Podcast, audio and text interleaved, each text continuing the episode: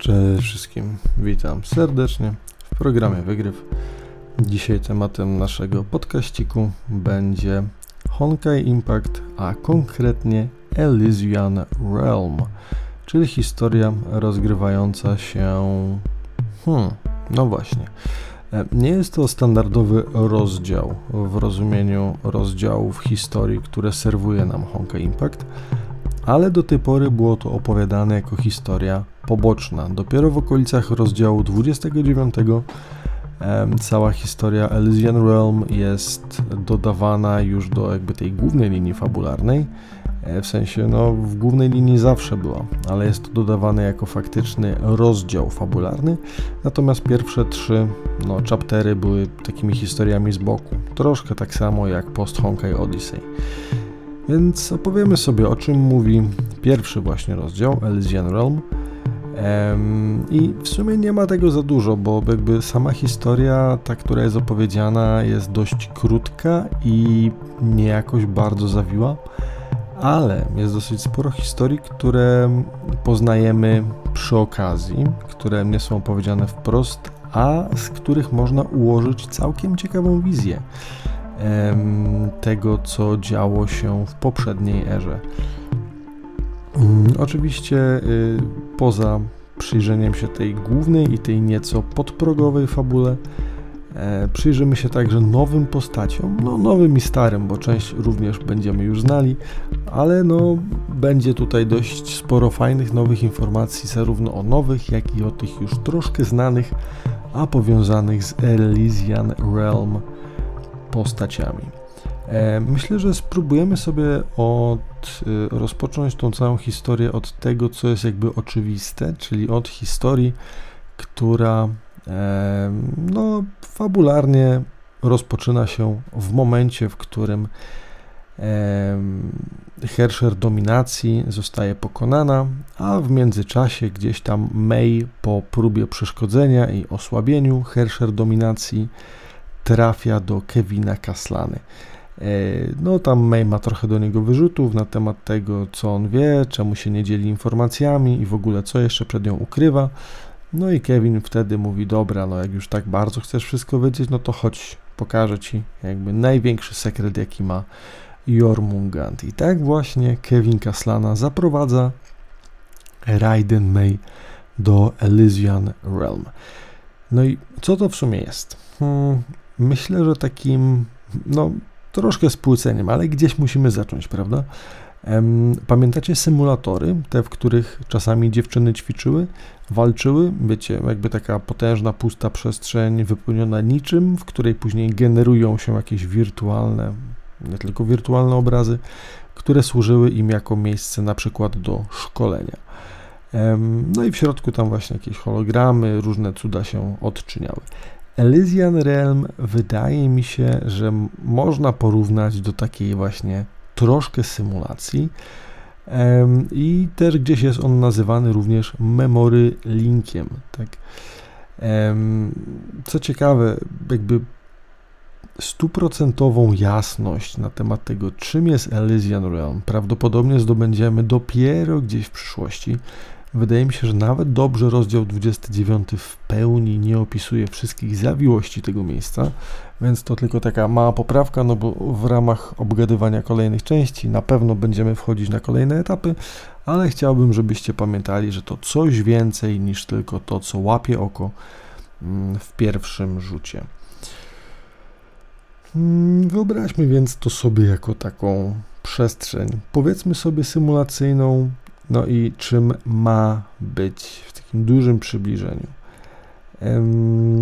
Więc May na przykład zauważa już na samym początku, że co prawda jest to niby symulacja, taka do których ona przywykła, ale na przykład ludzie, którzy wewnątrz są symulowani, a wewnątrz Elysian Realm będziemy mieli styk z 13 e, łowcami płomienia, The 13 Flame Chasers, z których już znamy m.in. Hue oraz Kevina, z takich e, no, częściej się przewijających.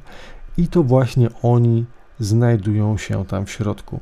May zauważa, że jak na zwykłą symulację jest to troszkę zbyt mocno złożone, aby symulować człowieka z takimi e, z takim mnogiem emocji, wiecie, no nie jest to zwykła symulacja. Wydaje się, jakby ten świat był naprawdę realny. Jeżeli jest to VR, no to jest on zrobiony naprawdę w mistrzowski sposób, na tyle, że May nie jest w stanie specjalnie odróżnić tego od świata realnego. Więc ER, powiedzmy ER w sensie Elysian Realm jest światem cyfrowym, mm, chociaż później padają też informacje, że do jego stworzenia potrzebni byli m.in.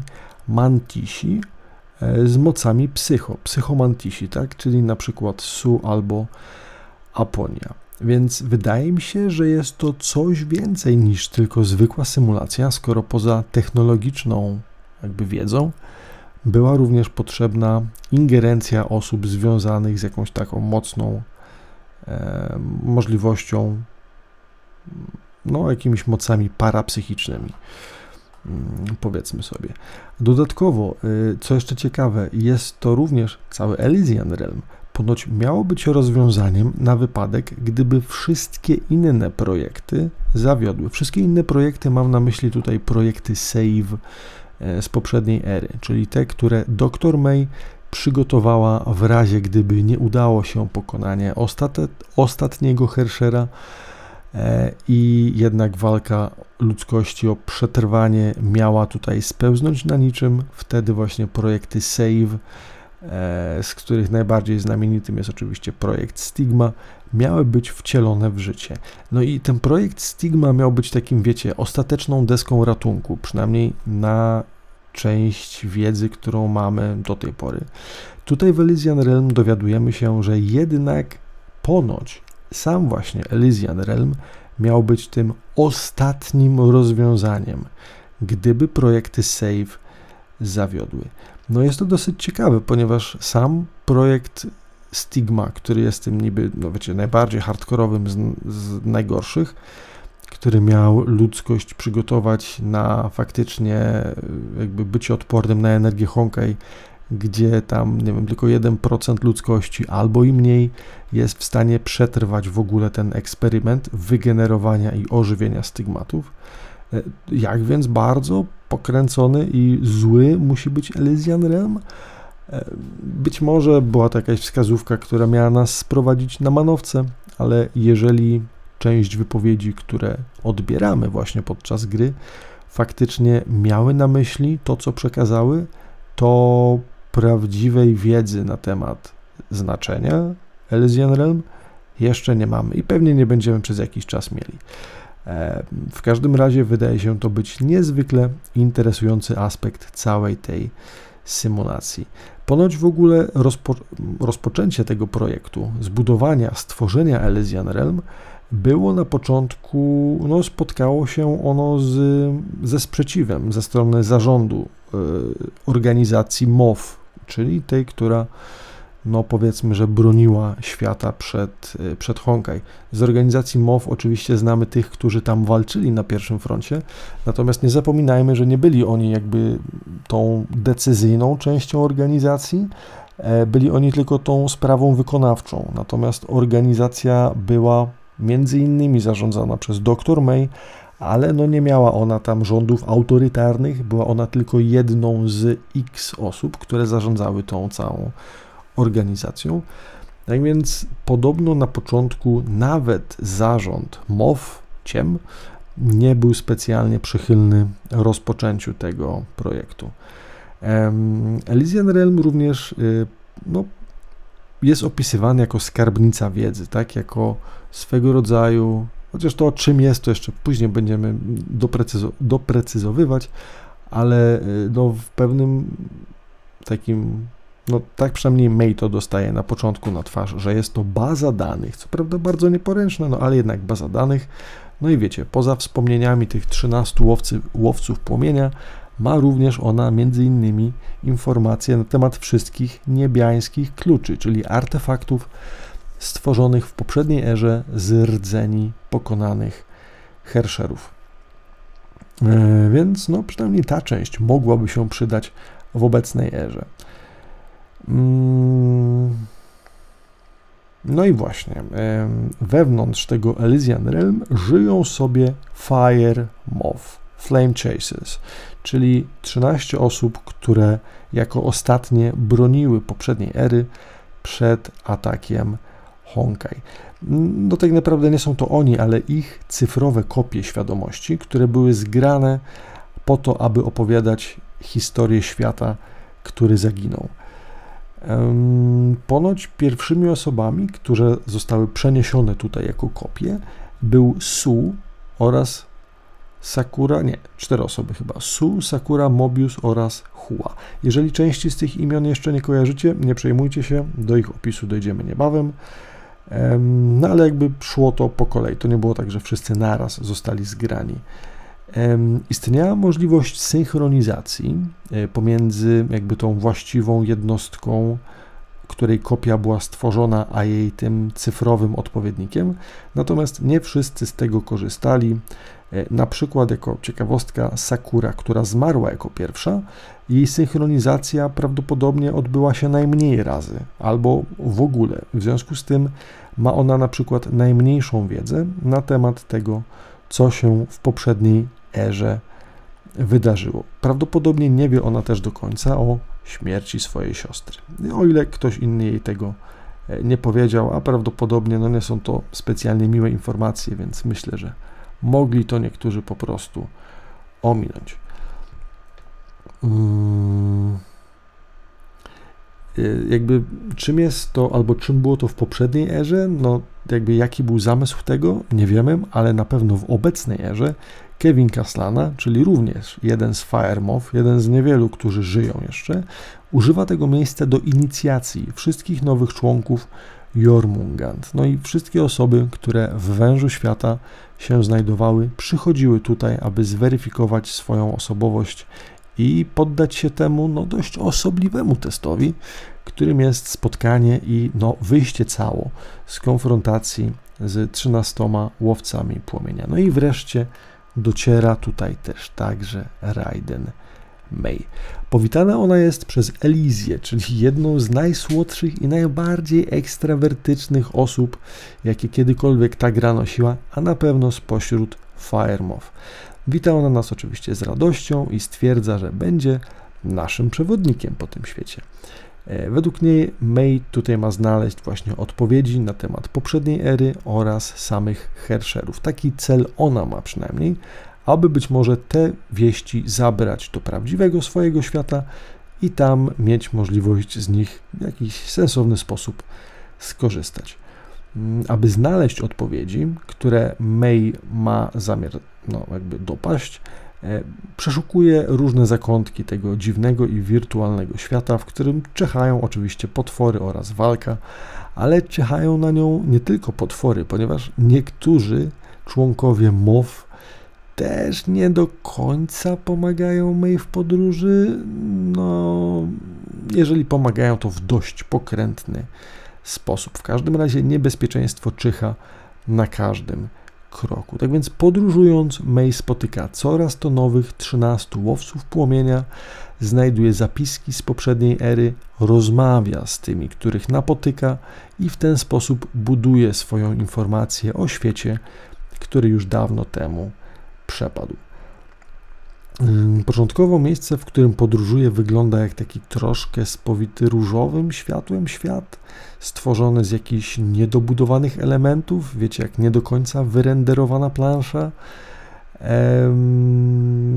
No i właśnie ponoć wygląda w taki dziwny i nie do końca spójny sposób, ponieważ właśnie został on stworzony ze wspomnień 13 Flame Chaserów. No i wiecie, odwzorowanie czyjejś percepcji świata nie jest zawsze identyczne u dwóch jakichś wybranych osobników. Tak więc tutaj, jeżeli ta jakby sposób postrzegania rzeczywistości różnił się, no wynika to albo skutkuje to tym, że ten świat nie jest taki hmm, no w pełni normalny. Część rzeczy się po prostu nakłada, nie domyka, no i świat jest troszkę niekompletny, taki wiecie, zawieszony w próżni dość e, groteskowy, bym powiedział. E, świat sobie wisi gdzieś ponad chmurkami i tak dalej. E, no i jako, że wydaje się, że moc Elizji, czyli tej osoby, która nas powitała tutaj, pamiętajmy, że sama nazwa miejsca nazywa się Elysian Realm, podobno dlatego, że sama Elizja zaproponowała taką nazwę. Domyślam się, że oczywiście pewnie było tak, ale nie był to jedyny i wyłączny element jakby wybrania tej konkretnej nazwy no to myślę, że jej jakby tutaj też świadomość i percepcja wybija ponad wszystko, e, malując właśnie świat na różowo, który jest dość mocno, myślę, związany z jej kolorem oraz e, z jej charakterem. Mm. Na początku wydaje mi się, że walczymy również z Elizją. Czy walczymy z nią? Nie. Wydaje mi się, że w każdym razie podczas pierwszej walki mówi nam ona, żebyśmy się zmobilizowali e, i nawet jeśli polegniemy, to nic się nam nie stanie. E, ale jeśli nie dokończymy tej pierwszej części walki, to będziemy musieli znowu słuchać jej od nowa. I nie wiem, czy jest tu, wiecie, taka forma przebicia przez czwartą ścianę, na zasadzie, jeżeli wyjdziesz z tutoriala, będziesz go musiał robić jeszcze raz od nowa. E, być może jest to jakaś taka, nie wiem, sugestia, że Elysian Realm też jest czymś na rodzaj gry, no bo w sumie Jormungand w taki sposób to miejsce rozgrywa. No myślę, że jest to na tyle ciekawe, aby o tym wspomnieć. I nie, chyba faktycznie, na początku, chociaż teraz już nie pamiętam, zbyt dawno temu to robiłem, ale walczymy chyba też z Elizją na początku, która właśnie jakby testuje nasze E, nasze możliwości. E, później znowu budzimy się w bazie i tam May czuje się no dość powiedzmy słabo. Nie wiem, coś na rodzaj takiej mocno podkręconej choroby lokomocyjnej. Czuje się jakby miała amnezję, problem z kojarzeniem faktów, nie wiem, wiecie, taki mind fog, coś jak po covid -zie. E, no i nie wygląda to na, wiecie, zwykłe efekty uboczne jakiejś y, technologii związanej z wirtualną rzeczywistością, tylko no, myślę, że to też jest kolejny punkt do odhaczenia na liście, to nie jest zwykłe miejsce. Natomiast, wiecie, Elysia mówi, że nie, nie, to normalne, przywykniesz do tego, to standardowa procedura, nie ma się czym martwić.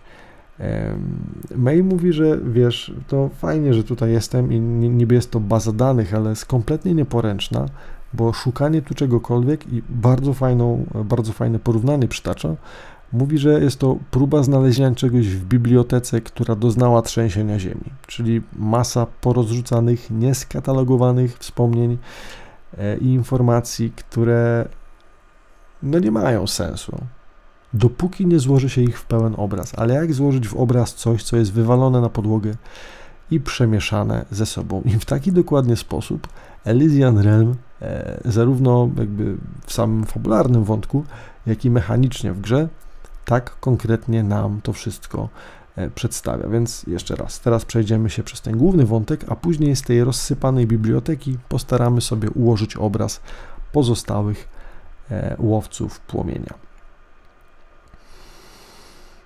Mm. Sama Elizja oczywiście jest podekscytowana e, tym, że gości tutaj kogoś nowego, a tym bardziej, że jest to Herscher, tak? Herscher do tej pory jeszcze u nich chłe, chłe nie gościł. Tak, więc e, są oni bardzo mocno e, zadowoleni, chociaż właśnie na początku tylko i wyłącznie poruszamy się tutaj razem z Elizją, która jest naszą Mm, przewodniczką. Mm.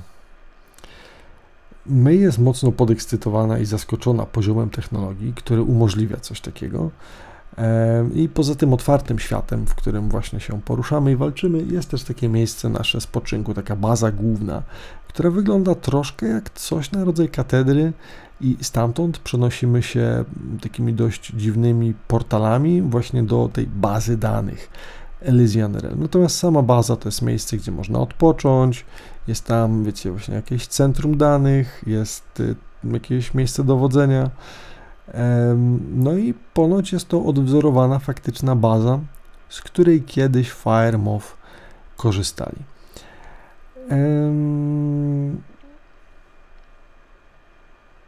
Elysia potwierdza, że faktycznie jest to miejsce, do którego wszyscy przychodzą po odpowiedzi i Elysian Realm ponoć pozwala spełnić ich życzenia. I wydaje mi się, że jest to tutaj bardziej taka, wiecie, parafraza, ponieważ Elizja bardzo lubi mówić w okrągły sposób, nie do końca do celu, ale bardzo ładnie.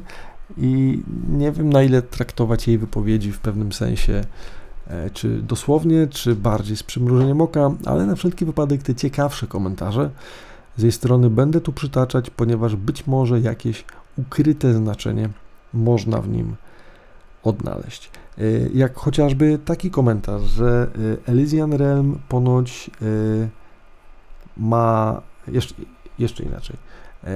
Ponoć nasze najbardziej hardkorowe wyobrażenia o Honkai to nic w porównaniu z prawdą o Elysian Realm.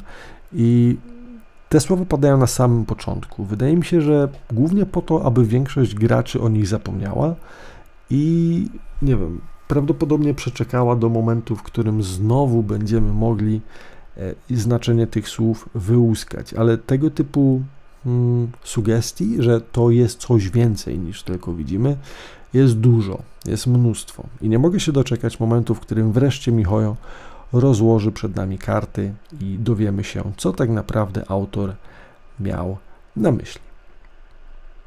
Mm. No bo jeżeli porównać to tak naprawdę do, nie wiem, arki, która przetrwała zagładę, no to wiecie, mm,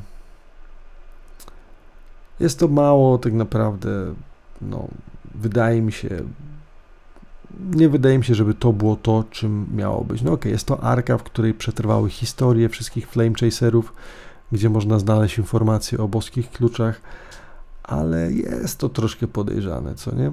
Sama ekstrakcja wspomnień, warto też dodać, ponoć była dość ciężkim procesem.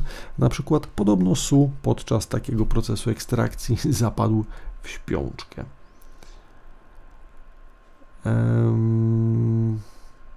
No ale Su i pozostałych Flame Chaserów opiszę Wam troszkę później. Więc pozwolę sobie przeskoczyć już prawie na koniec, ponieważ no, w międzyczasie właśnie spotykamy różne osoby, a kiedy już jesteśmy powiedzmy dość daleko w naszej podróży, Elysia zaprowadza May do Mobius. E, ale zanim do niej nas puszcza, stwierdza, że musimy wcześniej znowu ją pokonać. Wiecie, taka forma testu, w sumie to powtórki testu, no bo już raz z nią mm, walczyliśmy. E, obie jednak podczas walki niespecjalnie się wychilają. Wydaje się, że obie skrywają swoją prawdziwą siłę. E, I jakby May tam już no, po tej wygranej walce mówi, no dobra, no powiedzmy, że wygrałam, tak, ale no powiedz mi, czym jest wreszcie Elysian Red. No i oczywiście znowu się nie dowiaduje, ponieważ no jakby co miałaby jej powiedzieć? No, bardzo okrągłymi słowami omija wszystko to, co prawdopodobnie mogłaby jakoś inaczej opisać. May mówi, że no, jest to niewygodna metoda przetrzymywania informacji, więc na pewno nie jest to baza danych, a jeżeli tak, to strasznie kiepska. A jeżeli miałoby być to centrum ćwiczeń, to jest ono zbyt kosztowne i na pewno nieopłacalne. Elysia twierdzi, że dla każdego Elysian Realm ma inne znaczenie i myślę, że tutaj nie kłamie. Myślę, że ma rację w tym, co mówi. Natomiast omija ona, myślę, główny cel stworzenia tego miejsca. I tak mówi nam ona, omijając prawdę, jak zazwyczaj, że dla Eden na przykład jest to miejsce minionej chwały, dla Kalpasa jest to miejsce wiecznej wojny, której może się oddać, a dla Mobius jest to dziecko projektu Stigma. To też nie jest do końca wyjaśnione, ale wydaje mi się, że być może pierwsze symulacje aktywacji stygmatów albo samego procesu stigma, jakby ten system do symulacji był tam wykorzystywany. Tak? Nic więcej na ten temat nie wiemy, ale no, przynajmniej według Elizji są tutaj jakieś kropki do połączenia. E, dla samej Elizji właśnie, Elysian Realm jest miejscem, gdzie ich historia E, jakby trwa i osoby, które odwiedzają to miejsce są w stanie e, przeżyć ich historię, zrozumieć ich przeżycia i dzięki temu miejscu ich legenda trwa. No wiecie, bardzo fajny górnolotny taki pomnik, który sobie zbudowali sobie albo poprzedniej, przepraszam, albo poprzedniej erze, ale no nie, myślę, że prawdy jakby jeszcze w żadnym z tych no, prawdy, jakby głównego sensu i sedna tego nie mieliśmy jeszcze możliwości usłyszeć. Mm, Elizja tłumaczy, że tak, no wiesz, ale po prostu nie chcieliśmy, żeby ludzie myśleli o poprzedniej erze w kontekście tylko śmierci i zniszczeń, e, że no wszyscy tam żyli, tak, do ostatniej chwili, jakby no nie myśląc o tym, że to koniec, do samego skutku myśleli, że jednak się uda, no ale cóż, nawet ta historia 13 wybitnych jednostek pokazuje, że świat poprzedniej ery nie mógł zostać uratowany. I po tej troszkę przydługiej, nawet jak na nią wypowiedzi, e, dostajemy puszczeni do Mobius. E, I sama Elizja mówi, że ok, to teraz możesz iść do niej, chociaż to nie ona tak naprawdę jest celem tego wszystkiego. Ale no cóż, zobaczymy. Ponoć celem naszym jest sięgnięcie dalej jeszcze w przeszłość, być może do punktu zwrotnego w historii ludzkości. I takim punktem być może był opisywany w 29 rozdziale, jakby moment zawiązania 13 łowców płomienia, ale o tym w osobnym odcinku. A póki co e, dostajemy od Elizji kryształ e, i lecimy sobie do Mobius. No właśnie, o Mobius, e, kim jest ona, to opowiemy sobie troszkę później, ale żebyście mieli chociaż jakby początek tego wątku, gdzie oddalamy się z naszej pięknej, różowo-chmurastej e, przestrzeni, e, wpadamy do miejsca, które wydaje się być dużo mocniej związane właśnie z Mobius niż z kimkolwiek innym. I widzimy to już chociażby po tym, że aura tego miejsca zmienia się nie do poznania, Zamiast różowych chmurek mamy dookoła jakieś takie czarno-zielone tło, które przypomina coś pomiędzy toksyczną mgłą, a być może jakimś płynącym kwasem. I w tym wszystkim, kiedy dostajemy się do tego miejsca, widzimy potężną, wężową, zieloną, syczącą panią skąpaną w tym właśnie zielonym świecie, zawieszoną na platformie, przepraszam, trzymającą platformę, na której stoi May. Wiecie, taka, wydaje mi się, że też troszkę przenośnia, no bo w tym jakby spojrzeniu Mobius jest około 20 razy większa od May, ale wydaje mi się, że jest to tylko taka, wiecie, forma poetycka, bym powiedział, poetycko-wizualna. Jak pamiętacie, jak za pierwszym razem Senti spotkała Kianę i Bronię w świątyni, one też tam wychodziły z drzwi wprost na jej rękę, tak to przedstawiał tutaj e, e, reżyser. No i tu mamy coś podobnego, że May, która sobie stąpa właśnie po, po platformie, gdzieś w tym nowym fragmencie Elysian Realm, e, tak naprawdę jakby ląduje na talerzu u Mobius, co jest no dość ładnym nadaniem kontekstu tego, co będzie się działo w kolejnych rozdziałach. E, niemniej jednak wydaje mi się, że Michojo ma jakiś problem z powiększeniami postaci i o ile z Senti i tu z Mobius nawet jakoś to faktycznie wygląda, to cały czas nie mogę zapomnieć e, sceny z Genshina, kiedy to wychodząc z jak to się mówi, z pałacu e, Shoguna kiedy po walce i po pokonaniu seniory po prostu odchodzimy stamtąd, po chyba postawieniu trzeciego kroku poza świątynią, May leci w naszą stronę z jakąś taką, wiecie, też dwudziestokrotną, nie wiem, lupą na sobie, z jakimś takim powiększeniem. Kompletnie nie kumam tych form, wygląda to ciekawie, ale nie wiem, myślę, że troszkę tego nadużywają, no ale do rzeczy. E, mamy spotkanie właśnie z naszą panią Mobius, która troszkę tak frywolnie nas podpytuje, to tu, to tam i sama rozmowa nie wydaje się być jakoś bardzo mm, dziwna, e, ale no mamy wszelkie prawo podejrzewać z poprzednich rozmów z innymi e, postaciami, że jest to postać straszliwie niebezpieczna. May mówi, że tak naprawdę poza jej imieniem nie za wiele się dowiedziała o, jej, o niej samej, a Mobius oczywiście nazywa nas delikatnie i przyjemnie szczurem laboratoryjnym, ale w sumie zwraca się tak do większości osób w okolicy, więc nie mamy co się czuć wyróżnieni. No i wydaje mi się, że w międzyczasie próbuje ona wejść do głowy May albo coś. Podaje jej swój sygnet, którego znaczenie poznamy dopiero w kolejnym rozdziale Niemniej jednak May jakby w pewnym momencie wydaje się tracić przytomność i budzi się z powrotem w hubie, czyli wiecie, tam w tym głównym miejscu i no tam już wracają sobie z powrotem do rozmowy. I jak dla mnie, przynajmniej na stan wiedzy rozdziału pierwszego, byłbym niemalże pewien, że ten czas, kiedy May była nieprzytomna, Mobius by wykorzystała co najmniej do przebadania May jako Herschera, e, ponieważ Mobius jako pani doktor nie miała specjalnie wielu opcji przeprowadzać eksperymentów na Herscherach, e, no a dodatkowo pewnie chciałaby też jakieś nieco bardziej inwazyjne testy przeprowadzić, więc tutaj pytanie, mm, czego nie widzieliśmy, bo nie wydaje mi się, aby Mobius przepuściła taką szansę i faktycznie grzecznie oddelegowała nieprzytomną May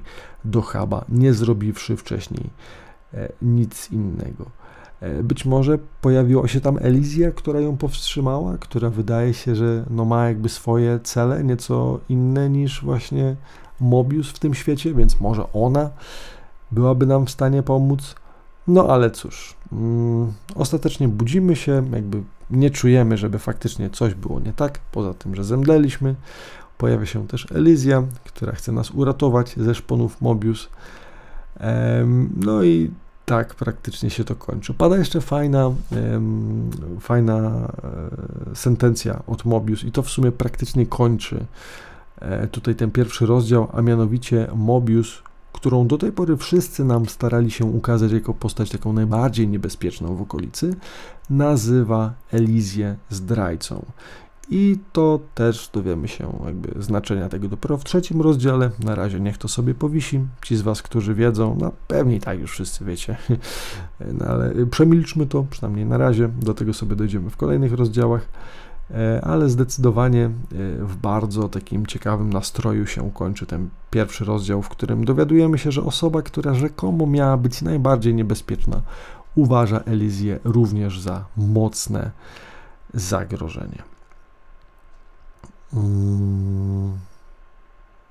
Później chyba Mobius gdzieś sobie odchodzi, a Elizja jeszcze stwierdza, że wychodzą w tym momencie z symulacji i przenoszą się w stronę Twilight Zone. I tutaj też sobie myślę o tym powiemy dopiero w kolejnych y, rozdziałach, ale tutaj też ciekawym jakby stwierdzeniem jest to, że wychodzą z symulacji, czyli Widocznie Elysian Realm ma więcej niż jedną płaszczyznę, na której się on może odbywać. No i o tym sobie już porozmawiamy w kolejnych rozdziałach. Jest to koniec głównej linii fabularnej, ale masę informacji będziemy w trakcie naszej gry zbierać właśnie z tych rozsypanych po trzęsieniu ziemi książek. I to będzie, myślę, najdłuższa część, którą chciałbym teraz zaadresować, ponieważ no tą główną nitkę fabuły przeszliśmy sobie. I to jest to, gdzie mamy wprost prowadzoną, wiecie, fabułę od punktu A do punktu B. E, przybyliśmy, Elizja nas oprowadziła, zaprowadziła nas do Mobius, wiemy, że jest niebezpieczna, Mobius wyzywała Elizję od zdrajców i koniec. Szybciutko, prawda? E, natomiast dużo bardziej, wiele razy bardziej ciekawe, wydaje mi się to, czego dowiadujemy się właśnie z jakichś ułamków y, zdań pomiędzy Flame Chasersami wypowiadanych e, po naszych rozmowach z nimi, albo nawet po jakichś dokumentach, które udaje nam się w tej jakże dziwnej bazie danych odnaleźć. Tam myślę, możemy się doszukać samego clue i sensu istnienia, e, no może nie istnienia, ale sensu e, jakby, mm, no nie sensu też nie, no dowiemy się więcej o poprzedniej erze i o bohaterach, tych 13 bohaterach, którzy w tamtej ery próbowali bronić. Ale zanim do tego jeszcze dojdziemy, myślę, że warto sobie wyjaśnić nomenklaturę, ponieważ troszkę tutaj jest używanych y, słów, które mogą być no, mylone. Wiecie, jakby naprostujmy to sobie na początku, żeby później wiedzieć, o czym mówimy. Więc najpierw mamy MOF, czyli oddział super żołnierzy z mocami bestii Honkai, które były aktywowane genetycznie, tak? E, większość z nich poświęciła się walce z jedenastym Herscherem, co było znane jako tragedia złączenia. A złączenie, bo było to podczas walki z jedenastym Herscherem, który to był właśnie Herscherem złączenia, czy nie wiem, Herscher of Binding. I podczas walki z nim większość tych super żołnierzy z mocami bestii Honkai została pokonana. Poza ostatnimi trzynastoma, którzy później mieli stworzyć właśnie oddział The Flame Chases. Tak więc tych 13 ocalałych żołnierzy właśnie po tragedii złączenia nie jest grupą albo hmm, no nie są to przyjaciele, tak? Jeżeli chcielibyśmy to porównać, wiecie, no w obecnej erze mamy e, walkirie, które e, z ramienia Schicksal walczą o ten świat, to tak samo jak teraz mamy walkirie, e, wiecie, Dudu, Kiana, May, Bronia, cała reszta, tak samo wcześniej mieliśmy Flame Chasers, którzy 13 przyjaciół, którzy walczyli o e, ostatnie chwile tego świata. No nie, kompletnie nie. To jest, myślę, ważna koncepcja, którą należy tutaj zaznaczyć. Dlaczego? Ehm, tych e, ciemek, czyli MOW, e, było bardzo dużo i byli oni wysyłani często osobno w różne części świata, aby walczyć właśnie. Więc no niekoniecznie wcześniej mieli oni szansę po prostu się poznać. Część z nich tak, oczywiście znała się. Na pewno po tragedii złączenia no zostało ich tylko 13 i Elizja miała ich zebrać pod jednym właśnie takim sztandarem, więc też się poznali. Natomiast no te więzi jakieś mocniejsze u niektórych po prostu wcześniej albo nawet później się nie wykształciły, więc były to osoby, których współpraca no nie zawsze szła tak, jak powinna. Część z nich miała swoją agendę, którą próbowała przepychać i o tym też niebawem usłyszycie. Ale warto dodać, że właśnie w momencie powołania tej całej organizacji, czyli The Flame Chasers, um, nie byli oni jedną zżytą ze sobą grupą i myślę, że mogło to być również e, powodem, dla którego ostatecznie no nie potrafili ze sobą współpracować. No wiecie, jakby z 11 randomowych, nie wiem, piłkarzy nagle stworzyć drużynę i rzucić ją na mundial przeciwko grupie Hersherów, nie? No nie dałoby się tego, myślę, specjalnie łatwo mm, łatwo wygrać. Dobrze, więc tutaj mamy Flame Chaserów i MOW już za sobą.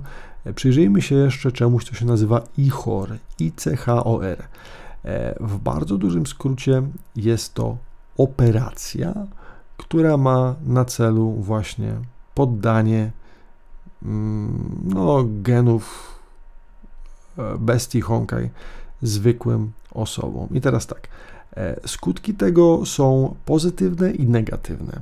E, aktywuje się to w różny sposób i wydaje mi się, że część osób miała to po prostu operacyjnie zrobione, chociaż są też chyba inne metody, ale tu musiałbym jeszcze pogrzebać. W każdym razie tą samą metodą IHOR e, wbijamy geny Honkai do ludzi i ci ludzie później no, mają moce albo nie mają. Tak? Z mocy pozytywnych i negatywnych e, przyjrzyjmy się różnym aspektom. E, Elysian na przykład twierdzi, że nie tyje i może jeść co chce, a poza tym ma elfie łóżka, które wyglądają super. Nie wiem, czy to na plus, czy na minus. No dla niej na pewno na plus, tak? E, poza tym, na pewno, jeżeli ma jakieś negatywne skutki, to w swoim słodkim szczebiotaniu nie wspomni nam o tym ani słowem. Przejdźmy się więc do bardziej takich hardkorowych tutaj efektów ubocznych, bo też pamiętajmy o tym, że jakby zrobienie tej terapii genowej to nie było coś na zasadzie, o dobra, to teraz jestem w stanie transformować się w Super Saiyana i nie wiem, zaoram wszystkie Honkaje w okolicy.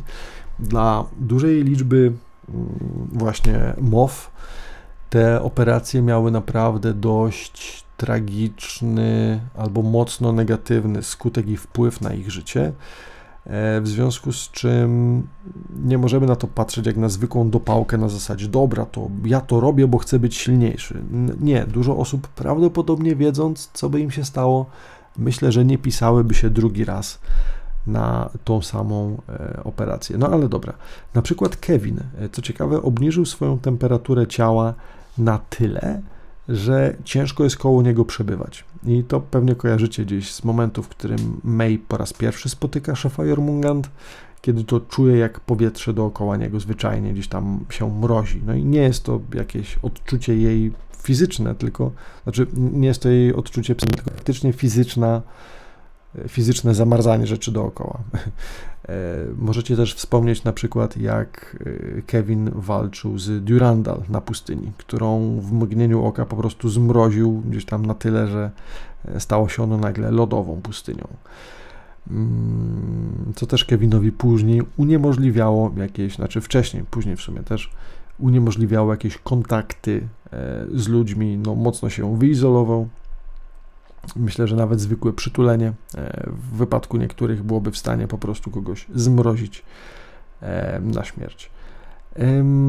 Kalpas na przykład, chłopak, który już miał dosyć mocno nakopane w, w kopule, e, popadł w praktycznie coś na rodzaj obłędu i manii. I o ile wcześniej był już naprawdę ciężkim typem, to ponoć jego stan się mocno pogłębił po terapii genowej. Tutaj pytanie, czy to jest plus czy minus, ale podobno Su na przykład doznał oświecenia. Tak wygląda i tak się zachowuje. No, czy są jakieś inne skutki poza tym, nie wiadomo, ale przynajmniej w jego wypadku wydaje się, że mogło to mieć jakieś powiedzmy więcej plusów niż minusów. A na przykład Fucha, czyli nasza dobrze znana przewodnicząca, jak już być może pamiętacie z poprzednich odcinków, zapamiętuje wszystko, co jest zarówno dobre, jak i złe, no bo dobre, bo jest w stanie przypomnieć sobie wszystko, cokolwiek zaszło w jej życiu, no ale minusem jest to, że jej mózg niestety bywa też przez ilość tych wszystkich wspomnień dość mocno obciążony, co fucha później sobie w odpowiedni sposób musi regulować lub też mierzy się z konsekwencjami. Warto myślę też dodać tutaj informację o tym, kim jest mantis. Mantis często jest też używane właśnie w kontekście bycia żołnierzem takim wzmocnionym e, i jakby akronim pochodzi od Massively Augmented Neotech Integrated Soldier, czyli nie wiem, jakiś masywnie wzmocniony, nanotechnologicznie zintegrowany żołnierz, coś takiego. E, no i oczywiście też jest to jakby forma albo sposób nazwania e, no, osób, które właśnie w specjalny sposób były wzmacniane w poprzedniej erze do walki z Honkai. I ostatnią rzeczą, którą warto myślę wspomnieć, a która wcześniej nigdy nie padła, bo o tej organizacji sobie też pomówimy, jest Cocoon, czyli nie wiem, chyba będę mówił kokon, jakoś tak, nie wiem. Więc o ile MOF było organizacją, która miała walczyć z Honkai, Cocoon było dosyć specyficznym odłamem, myślę, tej organizacji. Myślę, że w pewnym sensie przynależała ona do MOF, chociaż nie było to wprost nigdy powiedziane. I o ile MOF walczyli właśnie prosto z bestiami Honkai i z jakby taką manifestacją tej wiedzy, przepraszam, tej energii, o tyle Cocoon zajmował się likwidacją ludzi. Konkretnie tych zakażonych Honkai, ale nawet tych, którzy nie zagrażali jej bezpośrednio w inny sposób niż przez tylko szerzenie się zarazy, ponieważ nie wiem, no nie byli jeszcze zombiekami e, albo nie byli jeszcze w jakiś mocny sposób e, no nie wiem, zagrożeniem na zasadzie bycia agresywnym czy jakimś zezwierzęceniem, po prostu byli chorzy i takich ludzi też Kokun na przykład eliminował. Wydaje mi się, że mogli oni też walczyć z kościołem Honkai, ponieważ są pogłoski na temat tego, że w poprzedniej erze niektórzy wyznawali Honkai jako religię. Po co? No, to jest dobre pytanie. Po co ktoś wyznaje religię? No, myślę, że jest to bardziej indywidualne pytanie. Natomiast tutaj e, osoby, które akurat w ten kult się zaangażowały, twierdziły, że bycie zabitym przez Honkai oczyszczało i dzięki temu miało się ułatwioną drogę do Boga. No wiecie, ile religii, tyle pomysłów na, na życie. Jak widać, nawet tak absurdalne pomysły jak Honkai e, mogły być czczone. No ale tutaj oczywiście Kokun pomagał jakby prostować e, narrację tym, którym przyszły takie pomysły do głowy. Mm, no i właśnie 13 mm, łowców płomienia, tak? O tym już sobie mówiliśmy, więc chyba nie musimy tego powtarzać. Mam notatki podwojone za co? Przepraszam Ale przejdźmy sobie teraz dalej. E, więc mamy tych 13, tych najsilniejszych, tych, którzy przeżyli historię łączenia, tragedię łączenia. E, zacznijmy sobie nie po kolei. Dlaczego nie po kolei? E, tych 13 łowców płomienia ma swoje numerki. Numerki, które odpowiadają ich, no powiedzmy sobie, rankingowi w ramach organizacji. Natomiast nie jest to bezpośrednio odwzorowanie ich siły. E, numery te były przydzielane przez Elizję i ona dużo różnych rzeczy brała pod uwagę, niekoniecznie tylko siłę. Zacznijmy sobie więc od osoby, która w pewnym sensie jest tutaj no jakby jedną z ważniejszych osób, czyli od właśnie samej Elizji, której jakby motywem przewodnim tutaj jest ego, czyli wiecie, zaspokajanie potrzeb, popędów. Tak mi się wydaje, bym to czytał, chociaż chyba więcej będę mógł powiedzieć dopiero po przejściu kolejnych rozdziałów. E, natomiast co ciekawe, Elizja oznacza raj. W jakim języku? Oczywiście w starożytnym języku kontynentu Mu. Mu, który był kontynentem właśnie w poprzedniej erze, którego ponoć najbardziej, e, no, była, żyła tam cywilizacja najbardziej rozwinięta. E, więc no, tam prawdopodobnie Elizja przyszła na świat, tak nam mówi. Mm, no i tak, kim ona jest? Troszkę szarą eminencją. Sama Elizja mówi, że powiedziano jej, że nie nadaje się na lidera. I no, nawet ona mówi, że to trochę prawda, bo sama nie przepada za trzymaniem się sztywnych i narzuconych z góry zasad dużo bardziej woli, wiecie, luźny styl, bez napinki i tak naprawdę steruje wszystkimi, tylko troszkę jakby, wiecie, z boku. E, przez jakiś czas na przykład była w ogóle liderką tutaj spośród tych 13, ale ostatecznie zadowoliła się miejscem numer dwa, e, ponieważ wiecie, no jakby woli być troszkę z boku, ale mimo wszystko kontrolować po swojemu. Sama stwierdza, że to dzięki niej cała organizacja 13 łowców płomienia zaistniała i pomimo tego, że nie było łatwo ich wszystkich 13 naraz zebrać do kupy, e, no to udało jej się to. Przekonywała każdego osobno i ponoć nikt nie mógł odmówić tak słodkiej i przekonującej pani, jaką jest Elizja. Mówi też sama, że była w kontakcie ze wszystkimi herszerami swojej ery, co jest równie bardzo ciekawym stwierdzeniem, do którego myślę jeszcze sobie kiedyś wrócimy. E, cóż jeszcze o Elizji mogę Wam powiedzieć? Hmm, ogólnie jej operacja jest owiana tajemnicą. Każdy z Flame Chaserów ma w sobie geny Honkai, dzięki którym potrafi aktywować swoje odpowiednie moce. Natomiast Elizja takiej operacji albo nie przeszła, albo jej dane zostały gdzieś zniszczone bądź przepadły. I nawet jeżeli nie możemy znaleźć potwierdzenia jakichś dokumentów na ten temat, to również sama Mobius, która przeprowadzała tego typu eksperymenty, nie pamięta, aby coś takiego miało miejsce. Dla tych, którzy już troszkę znają historię albo próbowali patrzeć, co tam się dzieje i kim jest Elizja, e, myślę, że mogą już mieć pewien, jakby pewne zdanie wyrobione na ten sposób, tak? E, być może faktycznie ona nigdy takiej operacji nie miała. Skąd zatem jej moce? Hmm, no nic, poczekać musicie niestety, abym wam to wprost powiedział jeszcze co najmniej dwa odcinki Elysian Realm, ale to też myślę warto sobie mocno podkreślić, jeżeli chodzi o tą panią. No i tak naprawdę to tyle, jeżeli chodzi o nią. I chciałbym teraz przejść się do Kevina Kaslany, czyli do numeru 1, do tego, który był oficjalnym przywódcą, chociaż w wielu momentach no, jego elementy przywódcze ograniczały się raczej do wykazywania się na polu walki. Zdecydowanie taką przedstawicielką i mentorką, no może nie mentorką, ale szefową też nie, jak to się mówi, o, liderem, tak, liderem zespołu zdecydowanie była Elizja. Natomiast oficjalnie na tronie zasiadał właśnie Kevin, którego domeną jest deliverance, czyli wyswobodzenie.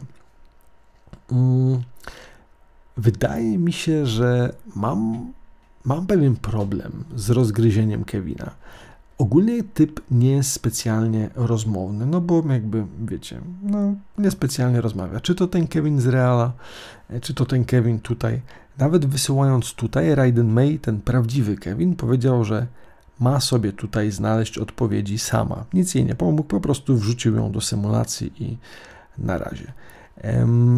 Wydaje mi się, że Kevin, zarówno jeden, jak i drugi, być może mają swego rodzaju kompleks Dr. May. Jeżeli ktoś z Was widział, jak wyglądała Dr. May, no to jest ona w pewnym sensie reinkarnacją Raiden May. Wyglądała identycznie, cechy charakteru, myślę, też można by przepisać.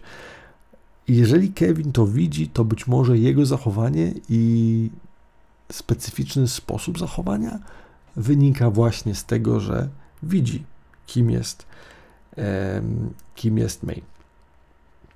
Hmm, czy mam tutaj rację, czy nie?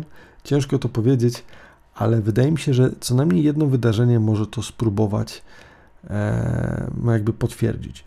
E, od każdego z Flame Chaserów, którego tu spotykamy, dostaniemy jego sygnet. I na przykład sygnetem, który dostajemy od Kevina jest ogień zamrożony w lodzie. Wiecie, troszkę taki kryształ. Sam Kevin twierdzi, że to, to na przestrogę, bo tu jest tak niebezpiecznie, a ja jestem taki silny.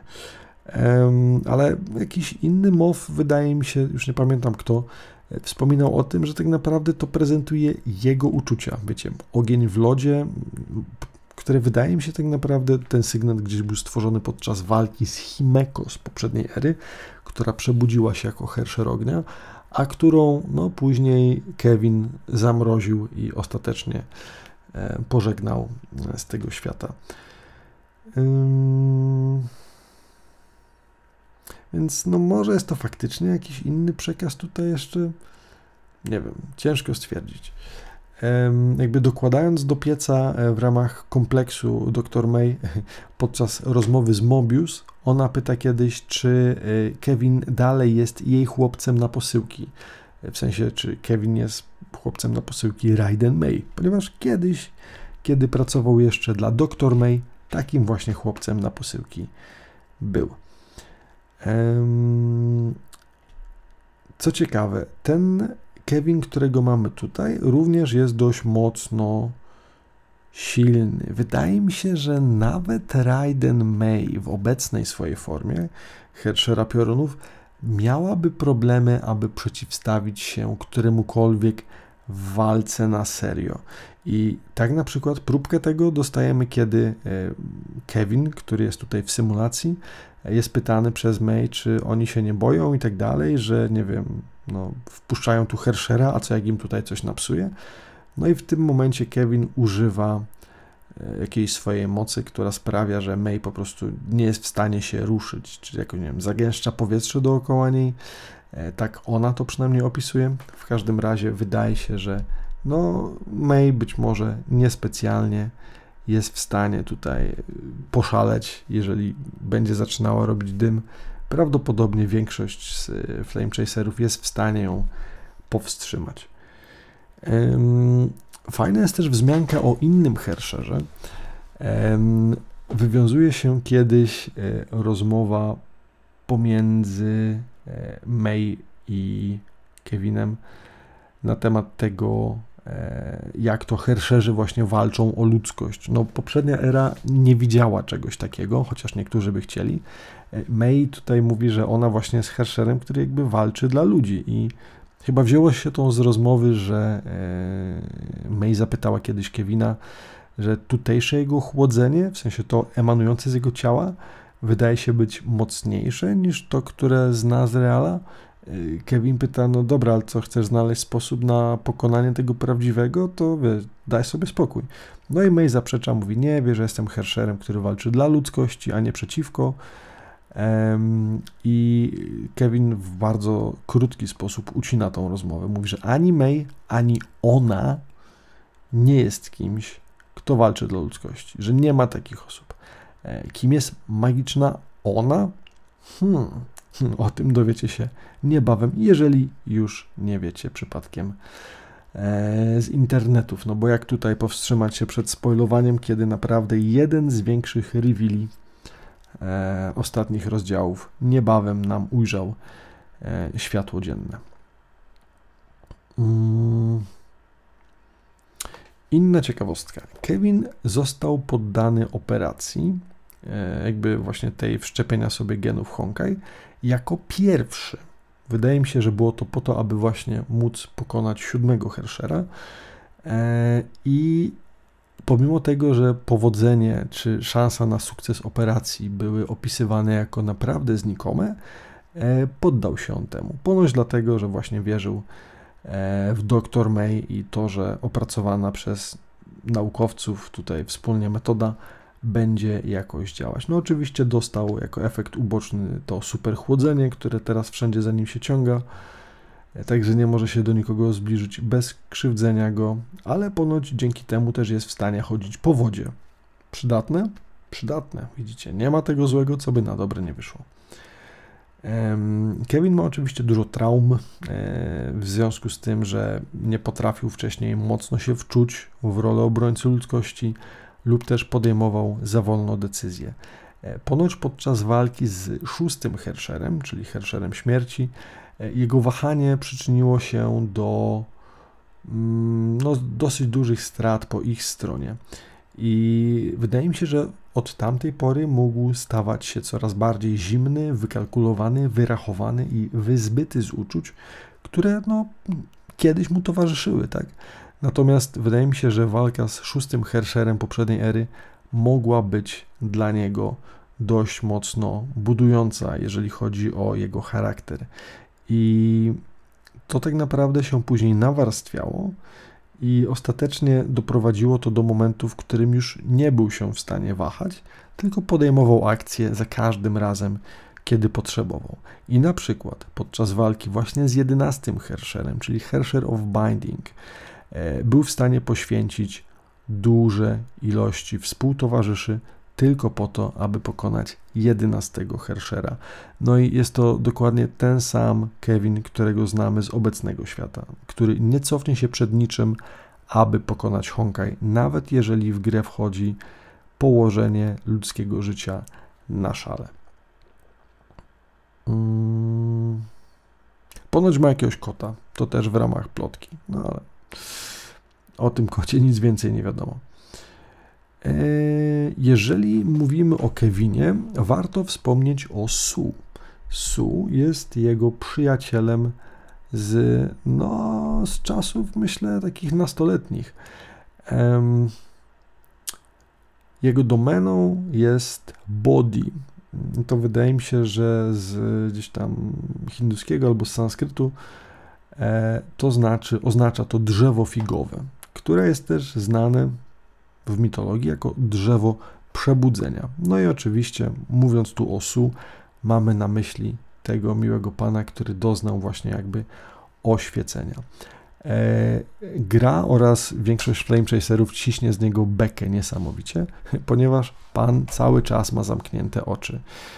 I jeżeli to połączyć z tym, że wiecie, on dużo myśli, zanim odpowie, jest taki troszkę e, uduchowiony i w ogóle dużo osób po prostu myśli, że koleś cały czas śpi, tak? Tym bardziej jak gdzieś siedzi na kanapie z zamkniętymi oczami, co wydaje się być takim rolling joke'iem, który powtarza się w Elysian Realm naprawdę dużo razy. Chociaż prawda wydaje się być odwrotna, ponieważ Su cały czas czuwa i cały czas odpowiada. E, no ale właśnie, wróćmy sobie do Kevina znali się, wydaje mi się, z podstawówki, albo nawet jeszcze wcześniej.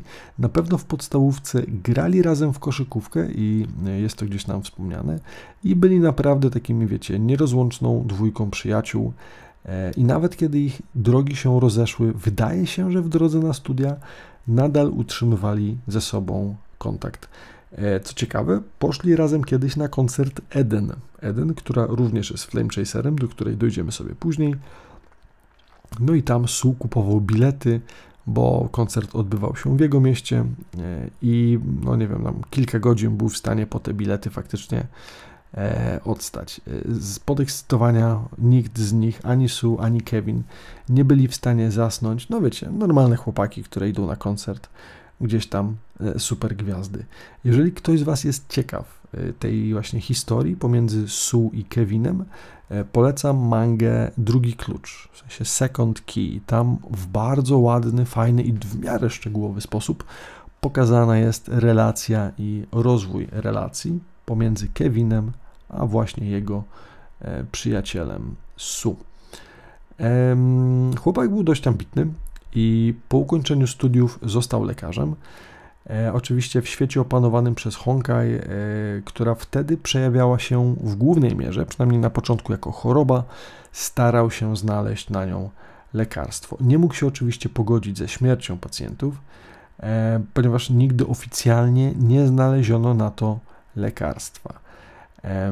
Dopiero później okazało się, że tak naprawdę szczepionka dla ludzi, albo, no nie wiem, takie serum, które ratuje osobę zakażoną Honkai, e, można stworzyć, ale z tysiąca ofiar, więc potrzeba poświęcenia tysiąca ludzkich żyć e, zainfekowanych chorobą Honkai, aby zaszczepić albo odtruć jedną osobę. I Wśród nich właśnie między innymi był Su. Później przez jakiś czas miał w związku z tym wyrzuty sumienia, no bo wiecie, jakby tysiąc dusz na jego ramieniu siedziało, a on jako gość z dość mocnym poczuciem wizji i poszanowaniem ludzkiego życia i etyki miał, myślę, dosyć mocne problemy, aby jakoś z tym się e, pogodzić. Mm, ostatecznie sam został wcielony do MOW w momencie, w którym właśnie e, dostał tą szczepionkę i wtedy również e, zauważył, że właśnie przyjaciel, który też jego taki mocny znajomy spośród tego tysiąca osób przyczynił się tam do tego, że żyje, e, no jakby dało mu to chyba motywację, aby działać.